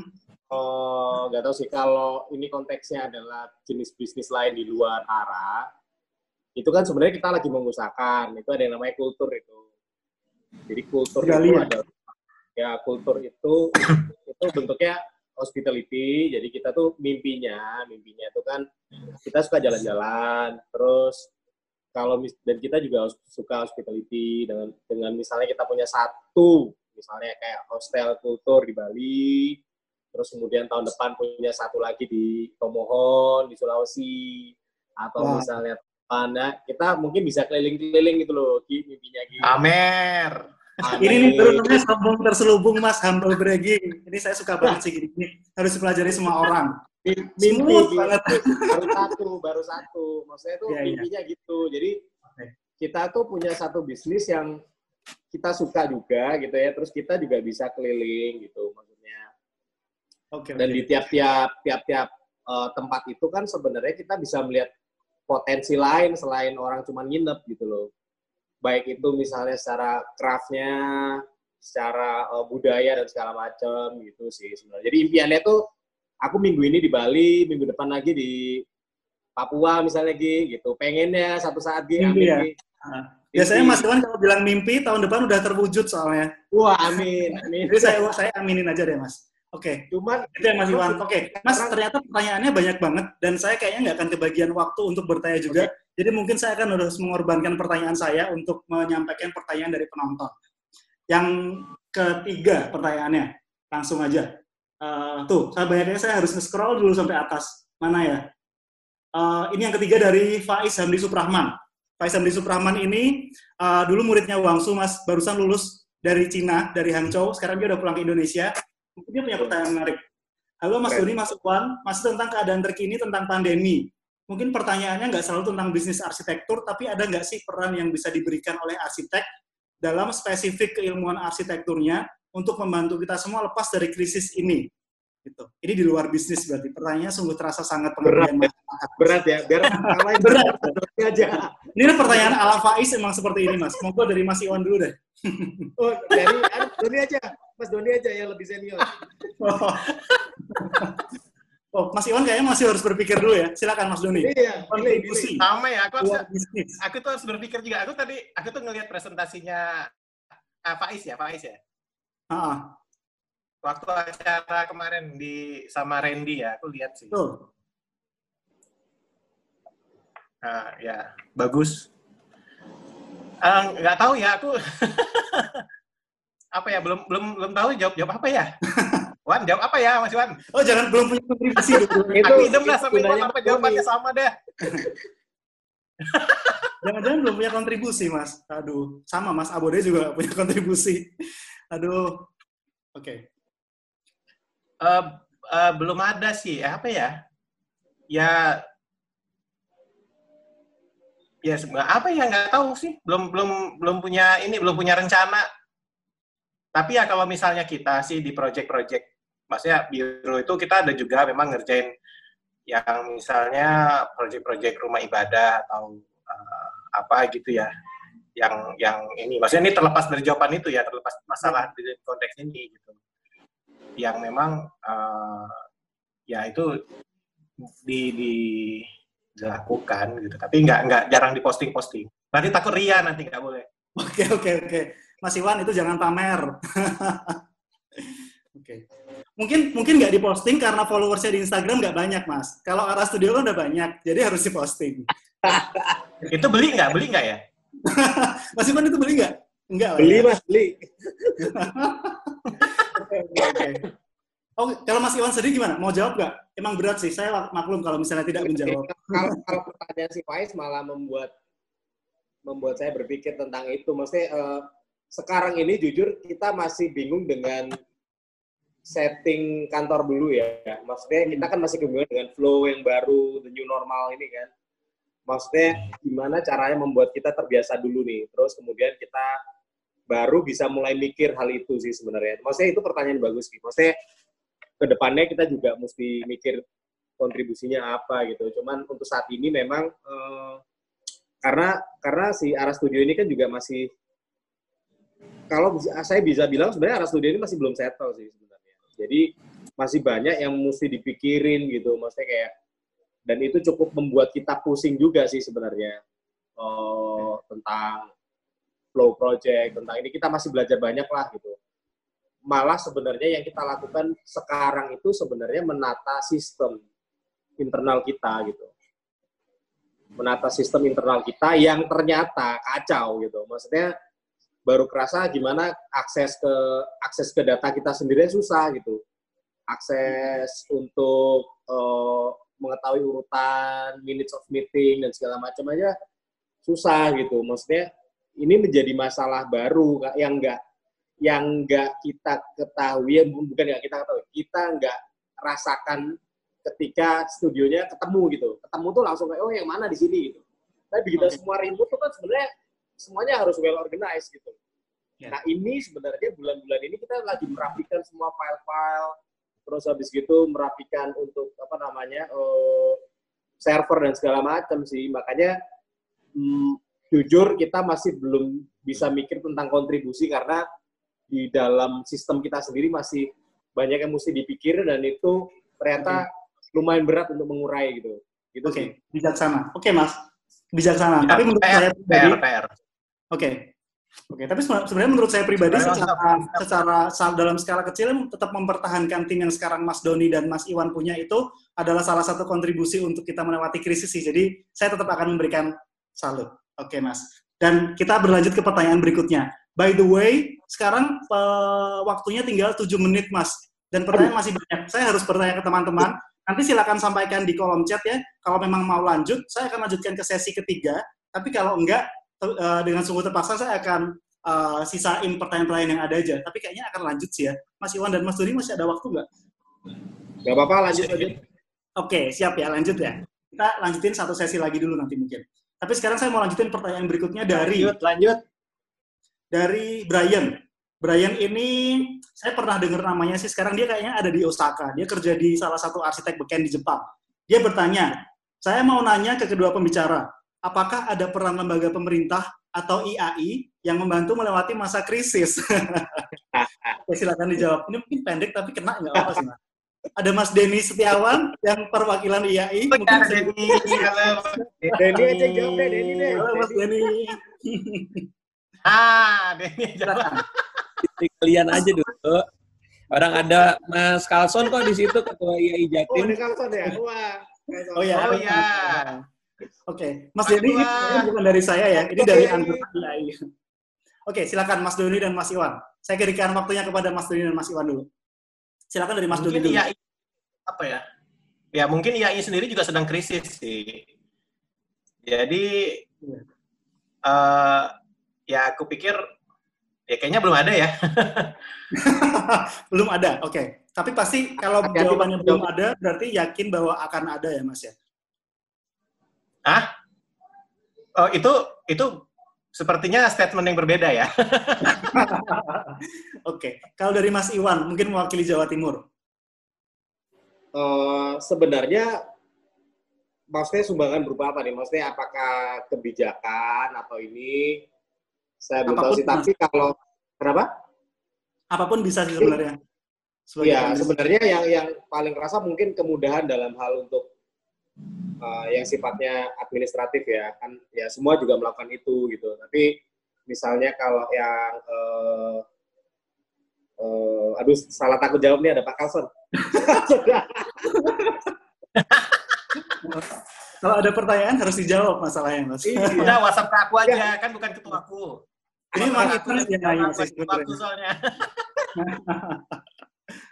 Enggak sih, eh, eh, selama ini ya kita kita menyadari eh, situasi IAI juga juga lagi membangun, maksudnya seperti itu. Ya. Maksudnya eh, sebenarnya kita posisinya sama-sama sih. Eh, Oke. Saya tahu persis gimana kondisi IAI, maksudnya dalam hal ini juga struggling untuk gimana ekstensi IAI sendiri gitu loh. Saya yakin juga masih ini kualitas pertanyaan sama kayak Pak Is tadi sebenarnya apa yang bisa dilakukan ya kan untuk yang lebih besar sedangkan eh, misalnya studio kita sendiri masih seperti ini sedangkan IAI pun juga sedang struggling seperti itu saya yakin juga fokus mereka pada internal gitu tapi kalau Oke. misalnya usaha-usaha untuk membuat diskusi online seperti ini kayak yang dilakukan Mas Devri dan lain-lain Sinaumana itu kan sebenarnya juga salah satu usaha untuk tetap melakukan kegiatan gitu kalau menurut saya ya gitu. Oke, thank you Mas. Thank you jawabannya cukup jelas dan clear. Tapi pada dasarnya memang kalau kita bertanya masalah IAI, karena IAI itu seharusnya adalah kita semua. Jadi kita harus kembalikan pertanyaannya ke, ke diri kita sendiri, termasuk ke Brian yang tadi bertanya ya. Kalau mau berkontribusi silahkan pulang ke Indonesia dan kita berkontribusi bersama. Betul nggak Mas? Betul ya? Iya. Oke, ini jawabannya diplomatis banget. Next, pertanyaan selanjutnya. Eh, oh ini pas banget dari Mas Denny Setiawan. Kedua narasumber ini kan punya multi prinsipal dalam kantornya. Eh, betul ya, Ara Studio ada bareng Errol dan Mas Goya, Mas Simon dan Mas Doni di Simon Doni Studio. Apa sudah ada konsensus di antara rekan-rekan prinsipal di kantornya masing-masing menimbang keadaan COVID-19 sekarang? Hmm. Maksudnya gimana ya? Apa eh,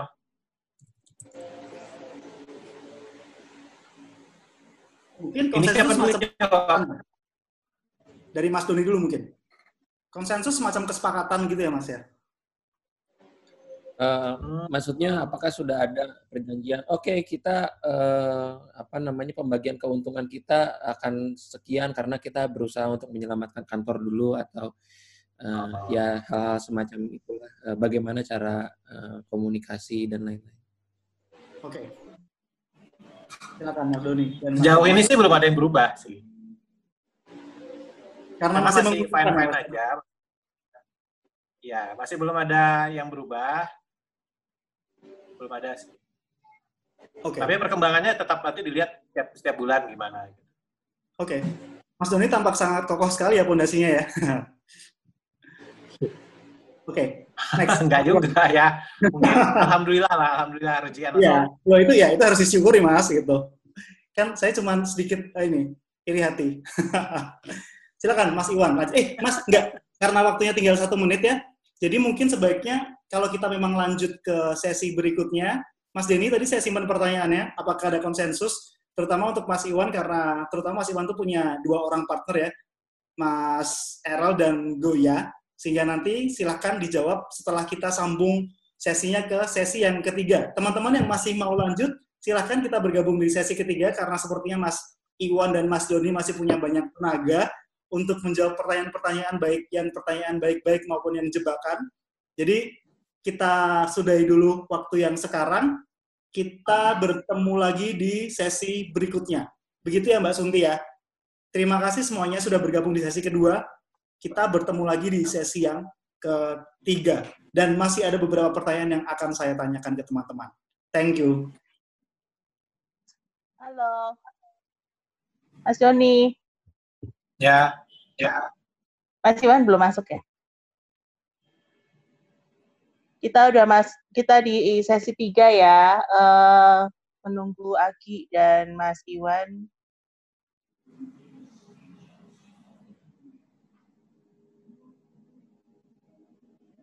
Halo Aki. Halo. Aki on. Sudah ya. Mas Iwan, Mas Iwan mana ya? Mas Iwan ya. Oke. Okay. Terima kasih teman-teman yang masih mau bergabung di sesi yang ketiga.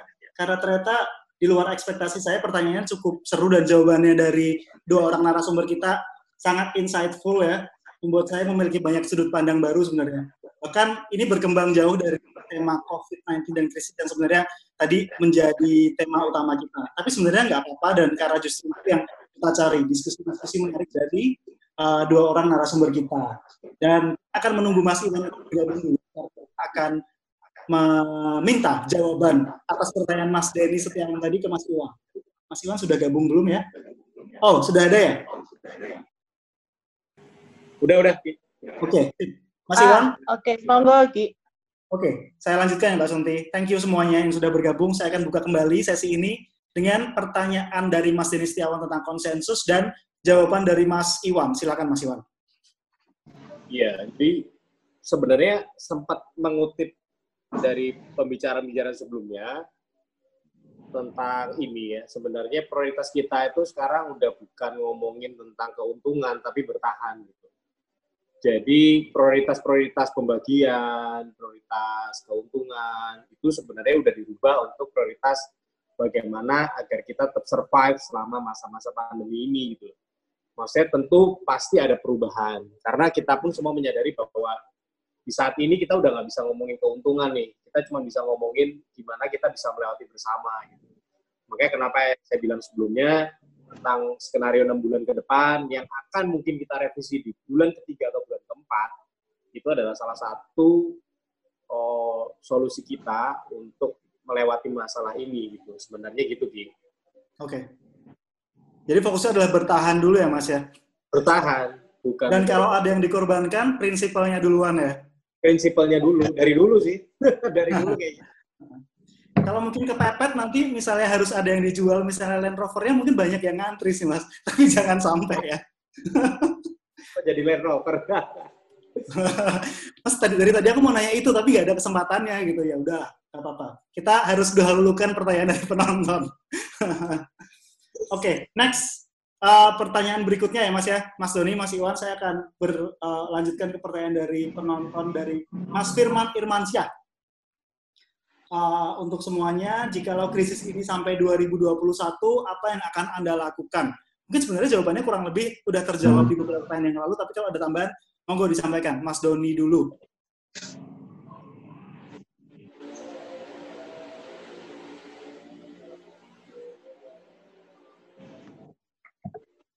Ya, belum bisa dibayangkan sih ya kalau sampai 2021. Cuman emang uh, nggak tahu ya pokoknya jauh ini sih banyak-banyak berdoa aja kayaknya. Jangan sampai jangan sampai 2021.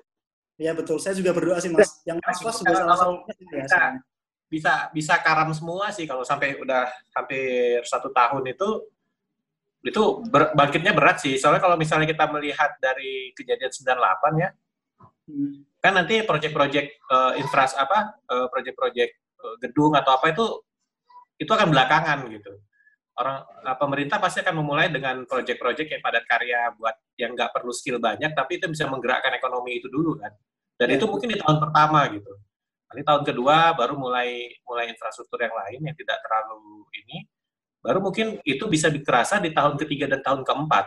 Kalau uh, apa namanya, kalau kita sampai krisis panjang. Oke. Okay. Tapi memang ya nggak tahu nih analisa ekonomi makro lah, nggak aku kurang ngerti juga, tapi bakal ya kalau bisa sih jangan sampai segitu sih. Yes, setuju mas. Oke, okay. thank you mas Doni. Kalau Mas Iwan, mungkin ada uh, strategi khusus untuk survive apabila ini sampai 2021? Yang pertama sih, saya pasti akan merubah sistem kontrak ke, ke ini ya, merubah sistem kontrak ke karyawan ya, karena karyawan juga tahu kan gimana sifat sekarang dan karyawan pun tahu misalnya kalaupun dia harus apply ke tempat lain dengan situasi seperti ini kan juga susah gitu.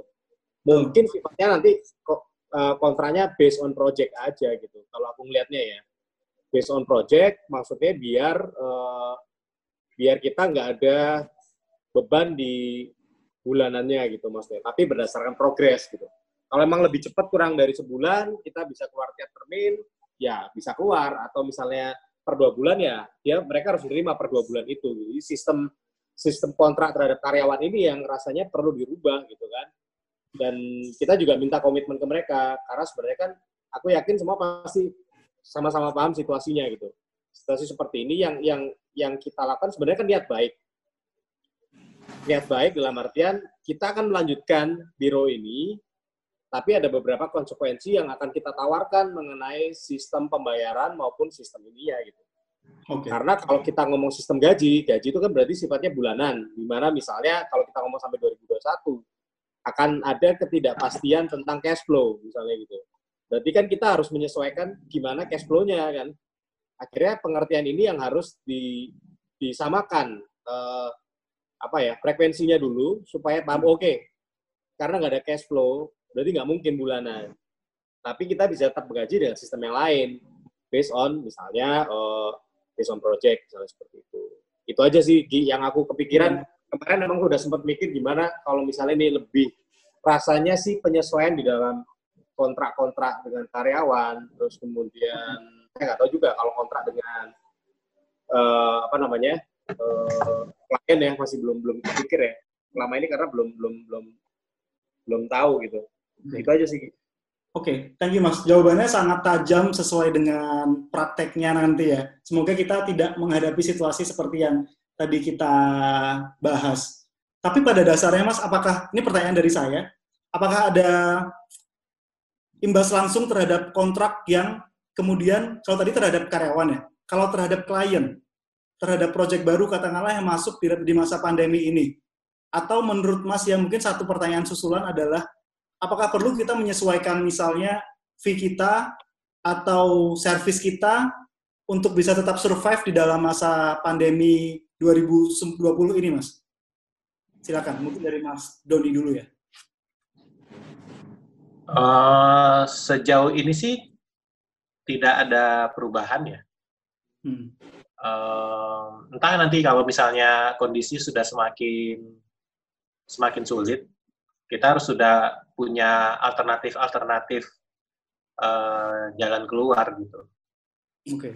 Karena kan uh, mau nggak mau kan kita tetap berusaha kan mempertahankan semuanya ya. Kalau bisa sih jangan sampai ada uh, apa ya ya kalau bisa staffnya tetap tetap dijaga semua itu harus dijaga okay. nah sekarang kan tinggal masalah ritmenya yang bergeser dan mungkin dalam kondisi yang tadi seperti Mas Iwan yang bilang kan itu juga akan dilakukan juga oleh semua mungkin oleh semua biru mungkin akan akan berpikir ulang gitu untuk untuk semua hal-hal yang kini dan perkembangannya ini sangat cepat sih sebenarnya gitu apalagi ini kondisinya misalnya udah mau puasa dan lebaran. Jadi kita punya checkpoint juga, misalnya ini uh, kayaknya ini checkpoint paling paling tinggi ya, paling paling dekat sih mungkin paling besar itu ya pas setelah lebaran. Itu momen momen paling ini sih. Uh, dan ini sebenarnya puasa dan lebaran ini momen-momen yang kritis sebenarnya. Okay. Ketika kita bicara soal uh, eh, THR dan itu selalu jadi jadi apa ya selalu jadi pikiran kita setiap setiap tahun kan untuk untuk uh, menyiapkan itu gitu. Oke. Okay. Bagaimana dengan Mas Doni, Mas? Apakah berpikiran hal yang sama atau punya strategi yang lain? Ya mungkin Gimana? mungkin akan akan yang sama sih ya. Mungkin akan hal yang sama. Mungkin lebih hmm. kurang begitu. Tapi memang kita sudah ada beberapa uh, beberapa rekan yang memang uh, staff kita yang berapa based on project gitu. Oke. Okay. Itu salah satu strategi yang diambil ya. Tapi sudah sudah diambil dari lama ya sebenarnya Mas Doni ya.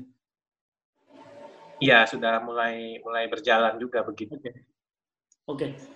Saya lanjutin ke pertanyaan berikutnya, Mas. Ada pertanyaan dari Mas Zenin Adrian kepada berdua. Uh, sebenarnya mungkin jawabannya uh, pertanyaan ini udah agak terjawab beberapa di sebelum pertanyaan sebelumnya, tapi apabila ada yang memang mau ditambahkan silahkan. Apabila situasi dengan social distancing ini mesti berlanjut ke periode yang lebih lama, apakah akan mempengaruhi dinamika kerja sama tim dalam proses desain? Tentunya dengan tidak dimungkinkannya semua anggota tim untuk berada di satu tempat secara bersamaan secara fisik, apakah ini juga mempengaruhi hubungan kontraktual antara pemilik dengan pegawai? karena uh, sebenarnya tadi Mas Doni sempat jawab ya, tapi mungkin bisa berikan jawabannya tambahan. Ya, uh, sebenarnya sih kita ya, ya apa ya, ya sama sih sebenarnya dengan tadi ya. Cuman memang memang kita tuh sangat dibantu dengan karena staff kita tuh sudah lama-lama itu hmm. itu yang sangat membantu dan itu yang orang-orang yang kita keep gitu ya. Jadi karena sudah cukup lama, sudah di atas empat tahun semua, itu jauh lebih jauh lebih gampang. Jauh okay. lebih gampang, jauh lebih mudah apa eh, efisien kita ngobrol tidak perlu nggak perlu lama-lama. Mereka sudah sudah ngerti gitu. Udah tahu apa maunya ya. Ya. Ah gini gini gini itu udah oke okay. bagian bagian mana gitu kita kadang-kadang nggak perlu terlalu detail bagian mana pun kadang-kadang sudah tahu gitu.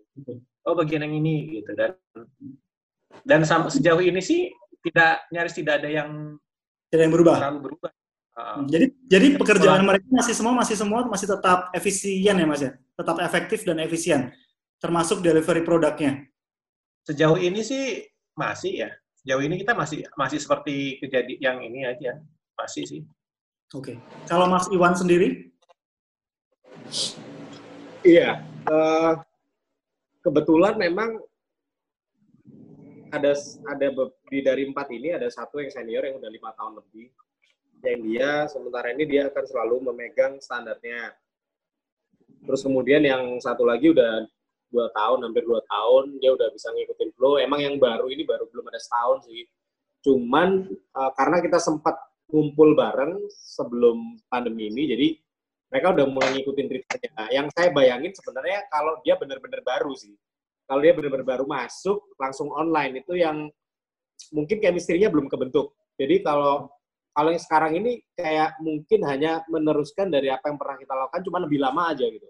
Kan sering misalnya kita keluar kota, kita nggak bisa hadir di studio, itu kan ya pasti kayak gini kan, Zoom meeting atau yang lain gitu, atau koreksi. Ya seperti itu aja, chemistry-nya masih, masih dapat.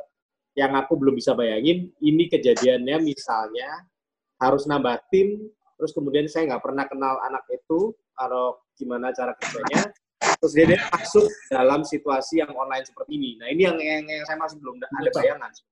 Oke, okay. itu bahaya itu. Oke, okay. oke, okay. thank you Mas Doni, Mas Iwan jawabannya. Dan untuk pertanyaan kedua yang tadi kan yang mempengaruhi hubungan kontraktual antara pemilik dan pegawai udah terjawab ya tadi Mas ya. Apabila akan berlangsung terus akan dijadikan kontrak per project itu untuk worst case scenario nya. Gitu ya. Oke, thank you pertanyaannya. Saya lanjutkan ke pertanyaan berikutnya dari Akbar Hantar. Salah satu rekan saya dulu di Solo waktu itu. Pertanyaan dari Akbar Hantar, untuk proyek skala kecil, misal rumah tinggal, mending ngedesain murni produksi gambar saja, atau mending ikut MKIN atau kontraktorin sendiri? Ikut ngawasin mungkin maksudnya, ikut ngawasin dan kontraktorin sendiri. Oke, mungkin saya lempar ke Mas Iwan dulu ya. Uh, menurut saya tiap tiap daerah itu punya karakter sendiri-sendiri yang maksudnya si si teman-teman yang kerja di daerah itu yang lebih ngerti sebenarnya kalau menurut saya. Karena kota-kota ini tidak akan pernah bisa dijadikan patokan mana yang paling baik kalau menurut saya. Karena kaitannya sama culture daerah itu terus kemudian SDM dari misalnya yang pekerjanya terus hubungan profesional antara uh, klien sama kitanya seperti apa cara memandangnya dia seperti apa gitu kan saya pikir sih yang bisa menjawab harusnya Akbar karena udah pernah udah pernah uh, berada dalam situasi itu gitu ya. Okay. Tapi se tapi sebenarnya kalau menurut saya uh, kalau misalnya kita desain and build itu sebenarnya tricky-nya adalah konflik of interest. Ada titik di mana kita mau rugi atau kita mau bagus. Eh, ya gitu deh. Pokoknya antara kita kita bagus tapi rugi, tapi nggak rugi tapi jelek gitu. Ya. Sedangkan arsitek selalu punya naluri untuk membuat lebih bagus, jadi jatuhnya rugi gitu. Kalau hmm. menurut saya ya, karena saya juga pernah jadi kontraktor. Oke. Okay. Nah, Menarik. di titik itu sebenarnya akan ada itu. Kalau misalnya dilihat sebagai sesuatu yang lebih netral, misalnya kayak cost plus fee ya. Cost plus fee itu maksudnya kayak nggak akan pengaruh dan diikat dengan berapa habisnya, tapi lebih banyak ke ini udah habis berapa, kita dapat berapa persen. Itu mungkin mungkin masih bisa diikuti. Maksudnya beberapa arsitek lama di Surabaya itu mereka memperlakukan cost plus fee karena dalam perjalanan itu sering mulai susut dalam pemilihan material dan segala macam. Oke. Okay. Mungkin kalau cost plus fee masih oke, okay. tapi kalau design and build dengan patokan harga tentu aku, aku pikir agak susah ya, agak yeah. susah. Nah, tapi cost and fee pun pasti akan sangat beresiko ya Mas karena arsiteknya pengen ngebagusin terus dan budgetnya iya. jadi bisa membludak dari awal. Ya. Iya, ini nggak apa-apa deh, nggak apa-apa deh, tambahin dikit, tambahin dikit, udah rugi. Eh, itu itu Mas semoga menemukan klien yang beruntung sih Mas. Oh, iya. Mas kalau Mas Doni sendiri gimana terkait pertanyaan tadi dari Akbar Hantar? Ya, uh, kita tuh ya dari dulu itu sering kesulitan dapat kontraktor yang bagus kalau di Medan. Jadi uh, saya tuh sudah sering menghadapi yang terburuk lah. Hmm. Dan kita pernah coba juga untuk untuk jadi kontraktor, tapi setelah dipikir-pikir ya jadinya rugi memang karena kita memang nggak cocok sih nggak cocok jadi ya udah gitu kita memang putuskan untuk proyek sebesar apa sebesar itu tetap kita uh, memilih kita ada partneran gitu partneran kontraktor yang sering sering sama bantuin kita ada tiga gitu. jadi itu aja yang sering kita rekomendasiin supaya kita komunikasinya lebih lebih mudah ya hmm.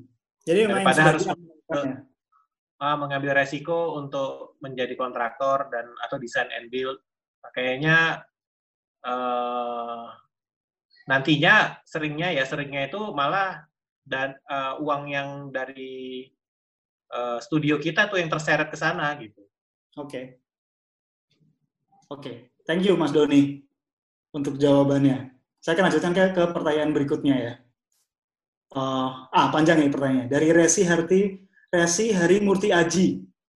Terkait krisis dan pandemi, kalau boleh cerita pribadi, pada dasarnya saya setuju dengan Mas Iwan bahwasanya untuk proyek perencanaan yang sedang berjalan, kita sebagai perencana arsitektur sebenarnya cukup bisa beradaptasi dengan prosesnya. Tapi yang menjadi tantangan adalah proses di akhirnya, yang berarti proses konstruksi yang mengalami slowdown atau terhenti selama pandemi. Nah, apabila proses awalnya seperti apa? Eh, sebentar, Mas. Saya agak, agak bingung dengan Apabila proses di awalnya seperti apa bagi studio mas-mas semuanya, proses di awal untuk melakukan strategic marketing mencari klien-klien baru. Bagaimana penyikapan dari masing-masing studio yang digawangi mas-mas mengenai hal ini? Coba sambil dari satu ya mas, saya juga agak bingung dengan pertanyaannya. Ya mungkin maksudnya ketika udah mengalami begini kan mengalami mengalami penurunan kali ya. Ya, dengan slowdown yang terjadi. Uh, uh, kira-kira dari mana lagi nih kita untuk mencari uh, untuk mencari apa Klien namanya baru. klien lah misalnya ya klien-klien baru mungkin gitu oke Ada dijawab Mas Iwan Ada strategi khusus untuk mencari klien baru, Mas? oke Mas Iwan jawab aku tadi cuma menjelaskan. Dua-duanya harus menjawab sebenarnya ini, Mas. ya eh, seperti tadi sih kita itu kita itu ya apa ya mas seperti eh, saya tadi kita klien-klien kita itu jarang memang random sih. Selalu dari mulut ke mulut. Oke. paling banyak sih itu dari mulut ke mulut. Dan karena dari mulut ke mulut kita malah lebih gampang komunikasinya jauh lebih gampang jadi mereka sudah tahu sudah sudah sudah bagaimana kita tahu gitu jadi dan karena sudah rekomendasi gitu jadi kita posisi untuk uh, ini macam semacam lebih mudah Oke. malah akan sangat sulit kalau ketika ada klien-klien random yang datang itu yang kita harus harus menjelaskan dahulu dan semacamnya ya itu itu proses lebih lama misalnya. Terutama perubahan prosesnya saat lagi ada Jadi kalau ke ini ya. Nah, ya kalau kasus gini sih kita memang eh ya sebenarnya satu lagi belum saya ceritain. Kita itu ada beberapa uh, ada tabungan-tabungan project sebenarnya yang yang belum disentuh belum sempat disentuh.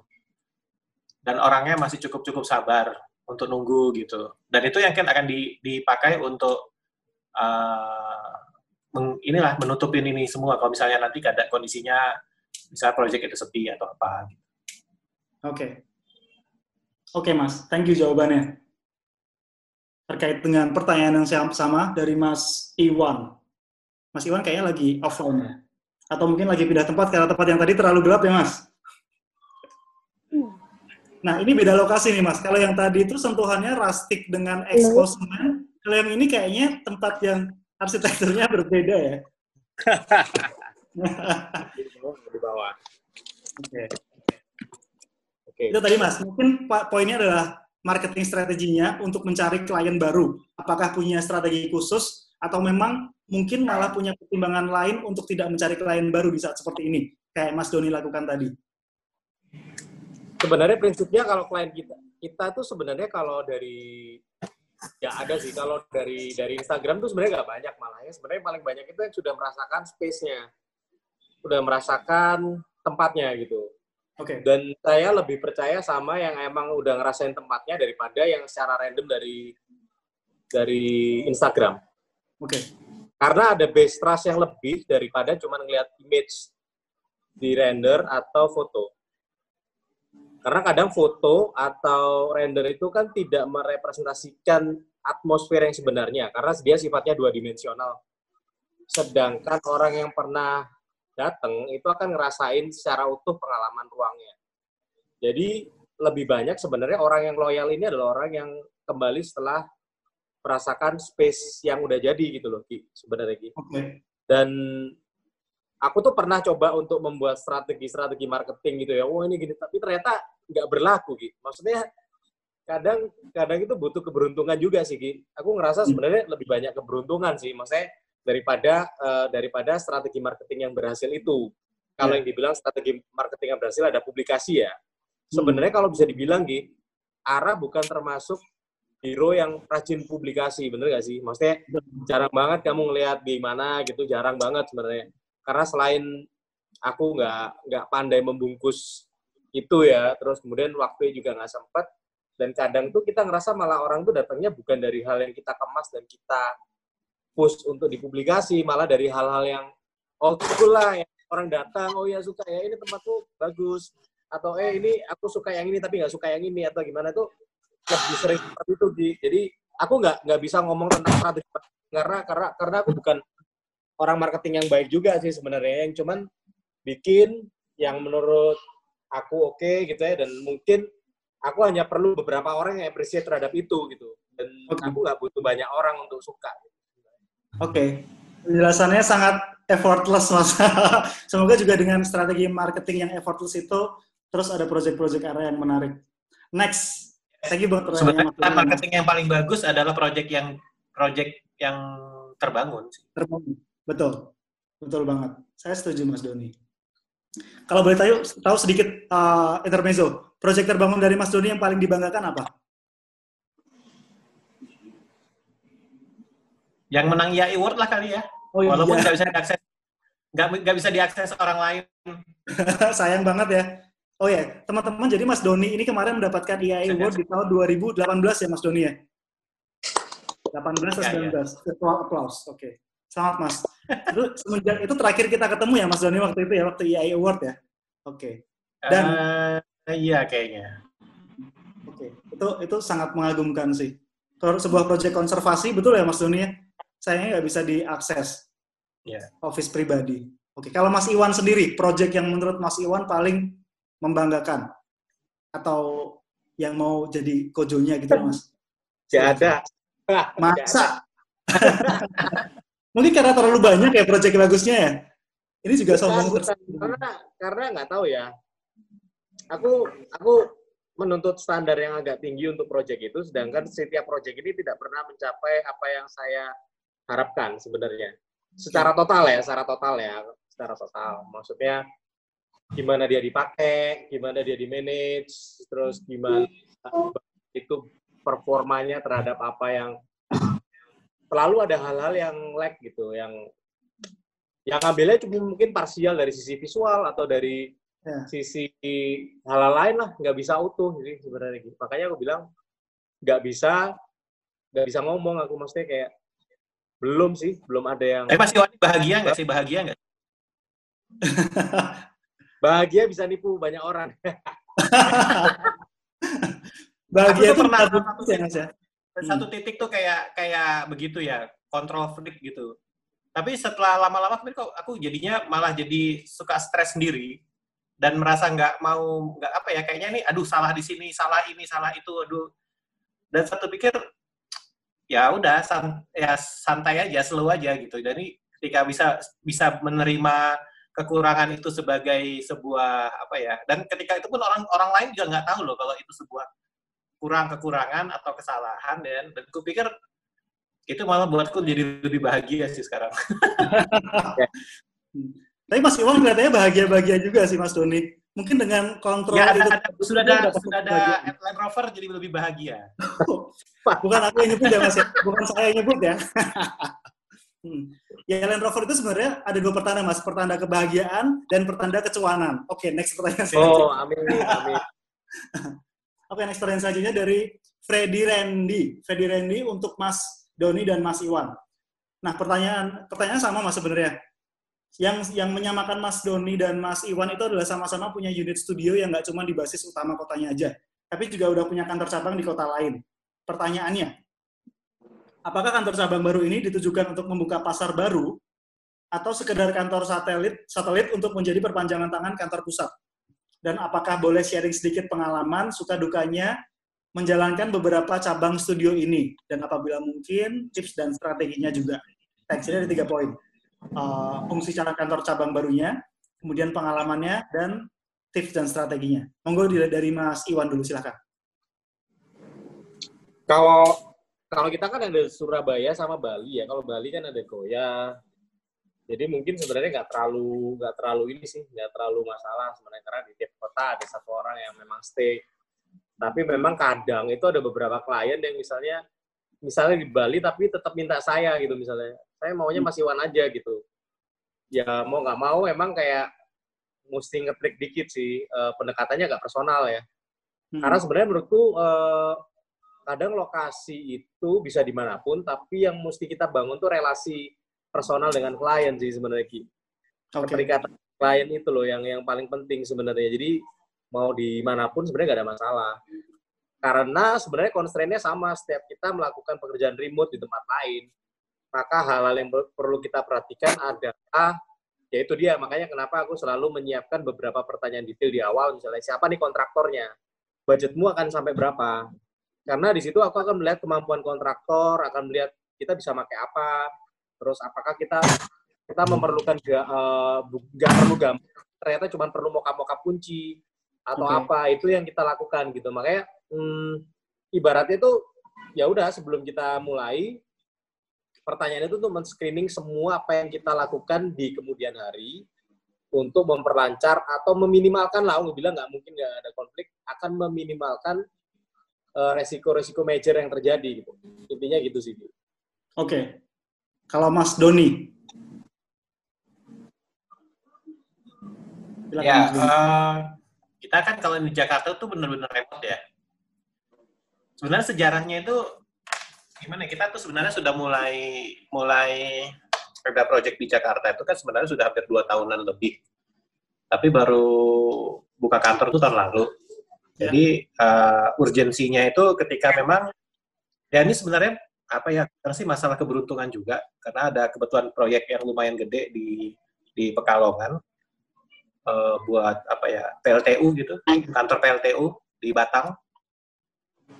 Nah jadi di momen itu uh, kita manfaatin karena memang butuh butuh kantor gitu. Butuh kantor untuk untuk melaksanakan itu. Dan kebetulan juga ada beberapa proyek yang bersamaan. Gitu. dan nggak tahu juga ya ini nyambung terus gitu nih. Nyambung nyambung uh, bagus dong ya momentum kenapa?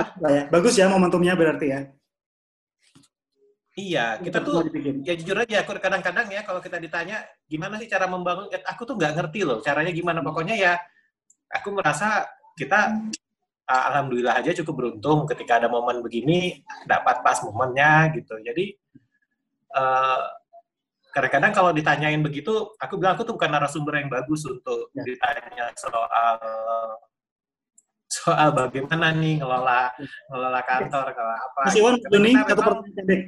Mas Iwan, Mas ya. Oke, okay. Mas, saya putus. Mas Iwan, Mas Doni, masih terkait dengan pertanyaan yang ya. sama sih. Saya agak pengen nanya pertanyaan pendek dari saya, silakan dijawab pendek juga ya. Kan Mas Iwan dan Mas Doni ini berpartner ya. Mas Iwan dua orang partner, Mas Doni ada satu partnernya. Pernah nggak nggak happy dengan desain partnernya? Silakan jawab pendek. Pernah. Mas Iwan. Ya pernah lah. Oke, oke, oke. Ya udah, kalau gitu kita berlanjut ke pertanyaan berikutnya. Oke, okay, halo Mas Simon, Mas Errol, dan Mas Buya. Oke, Mas kalau gitu kita waktunya tinggal 8 menit. Uh, ini udah sesi ketiga dan saya rasa ini sesi terakhir aja. Mungkin lain minggu depan kita akan ada lanjutan lagi dengan minggu uh, tamu-tamu yang baru juga. Jadi saya akan berikan pertanyaan yang terakhir untuk Mas Iwan dan Mas Doni. Pertanyaan terakhir dari Syahrir Harahap. Nah, ini mantan partner associate saya dari Abodai tahun lalu, tapi sayangnya dia... Halo Iir. Halo Iir. Sore semuanya, mau nanya, selama masa physical distancing ini sebagai biro, proses apa yang paling nyata dirasakan perubahannya, baik positif maupun negatif? Dan apakah ada proses yang akan diubah setelah pandemi ini berakhir? Ini sebenarnya sama seperti beberapa tema yang lain sih, finding a new normal, Mas, buat kita semua. Silahkan sekaligus sebagai jawaban penutup dari masing-masing, Mas Doni dan Mas Iwan. Silahkan Mas Doni duluan. Buat aku pribadi, malah ini agak sedikit menguntungkan ya Menguntungkan itu dalam artian ya ritmenya jadi lambat, ritmenya jadi lambat dan aku sendiri itu karena lebih banyak di rumah jadi lebih teratur gitu. Uh, karena kan biasanya kan kalau kalau ke kantor habis itu nanti pasti akan diganggu oleh uh, telepon kontraktor, telepon ini, ini, ini. Jadi kita tuh nggak pernah fokus juga. Yeah. Nah, ketika selama masalah ini, ketika semua melambat, kita tuh jadi punya waktu untuk untuk mulai berpikir lebih banyak. Gitu punya waktu untuk memilah-milah dan ketika itu mulai punya waktu benar-benar jadi jadi lebih efisien malah. Jadi begitu bangun tidur gitu kan pagi udah beres-beres sempat apa nanti meeting kantor gitu. Jadi itu udah semuanya udah lebih udah lebih uh, rapih malah sih. Karena lebih lambat karena selama ini kan ritmenya sangat cepat ya, sangat cepat ini harus gini gini gini dan itu dan itu buat aku itu sering jadi sering kelupaan, oh ini ya, ini belum, ini belum, ini belum. Padahal kita udah catat gitu kan, nanti juga kelupaan. Tapi ketika saat ini uh, kondisinya semua jadi begini tuh kita jadi punya ini ya, punya waktu dan punya excuse jadinya.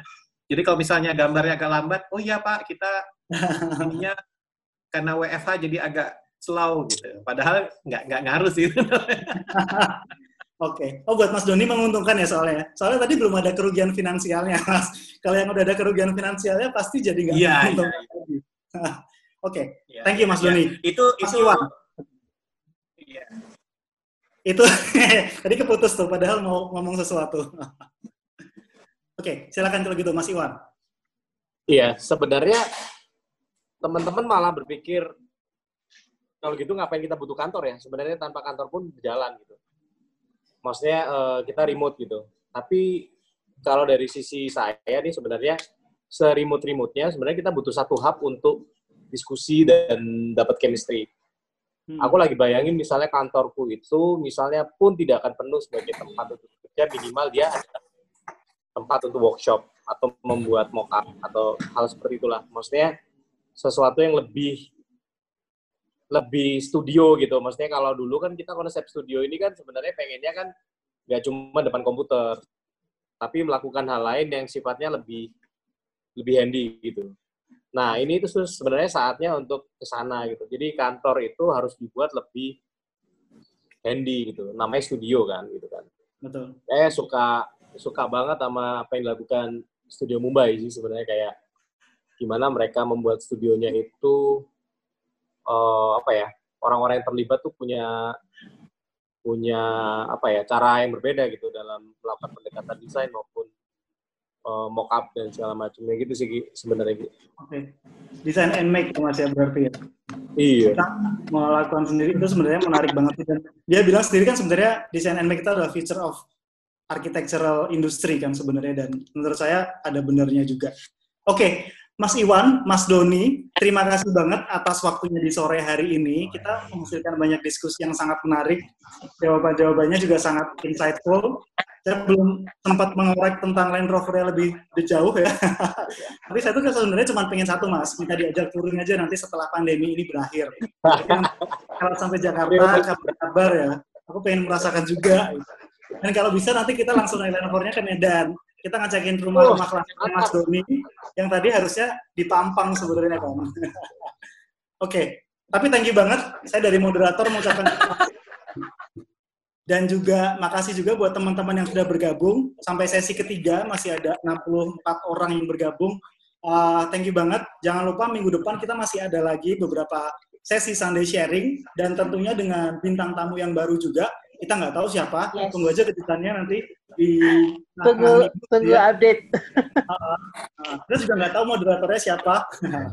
Jadi nanti kalau misalnya saya kita jumpa lagi, tapi kalau enggak nanti kita berjumpa sebagai tamu, gitu ya. Eh, dari saya, eh, saya undur diri. Eh, sampai jumpa lagi di kesempatan yang lain. Terima kasih banget atas pertanyaan-pertanyaannya dan diskusi yang menyenangkan, Mas Doni dan Mas Iwan. Saya pamit juga. Mbak Sunti, waktu dan tempat saya kembalikan. ke Terima kasih. Agi. Iya. Thank you Agi. Terima kasih Mas Iwan dan Mas Doni. Eh, terima kasih juga buat semuanya yang sudah bertanya dan ikut serta mendengarkan obrolan sore hari. Terima kasih. Sampai bertemu di hari Minggu selanjutnya. Thank you. Dadah. kasih ya. Sampai ketemu.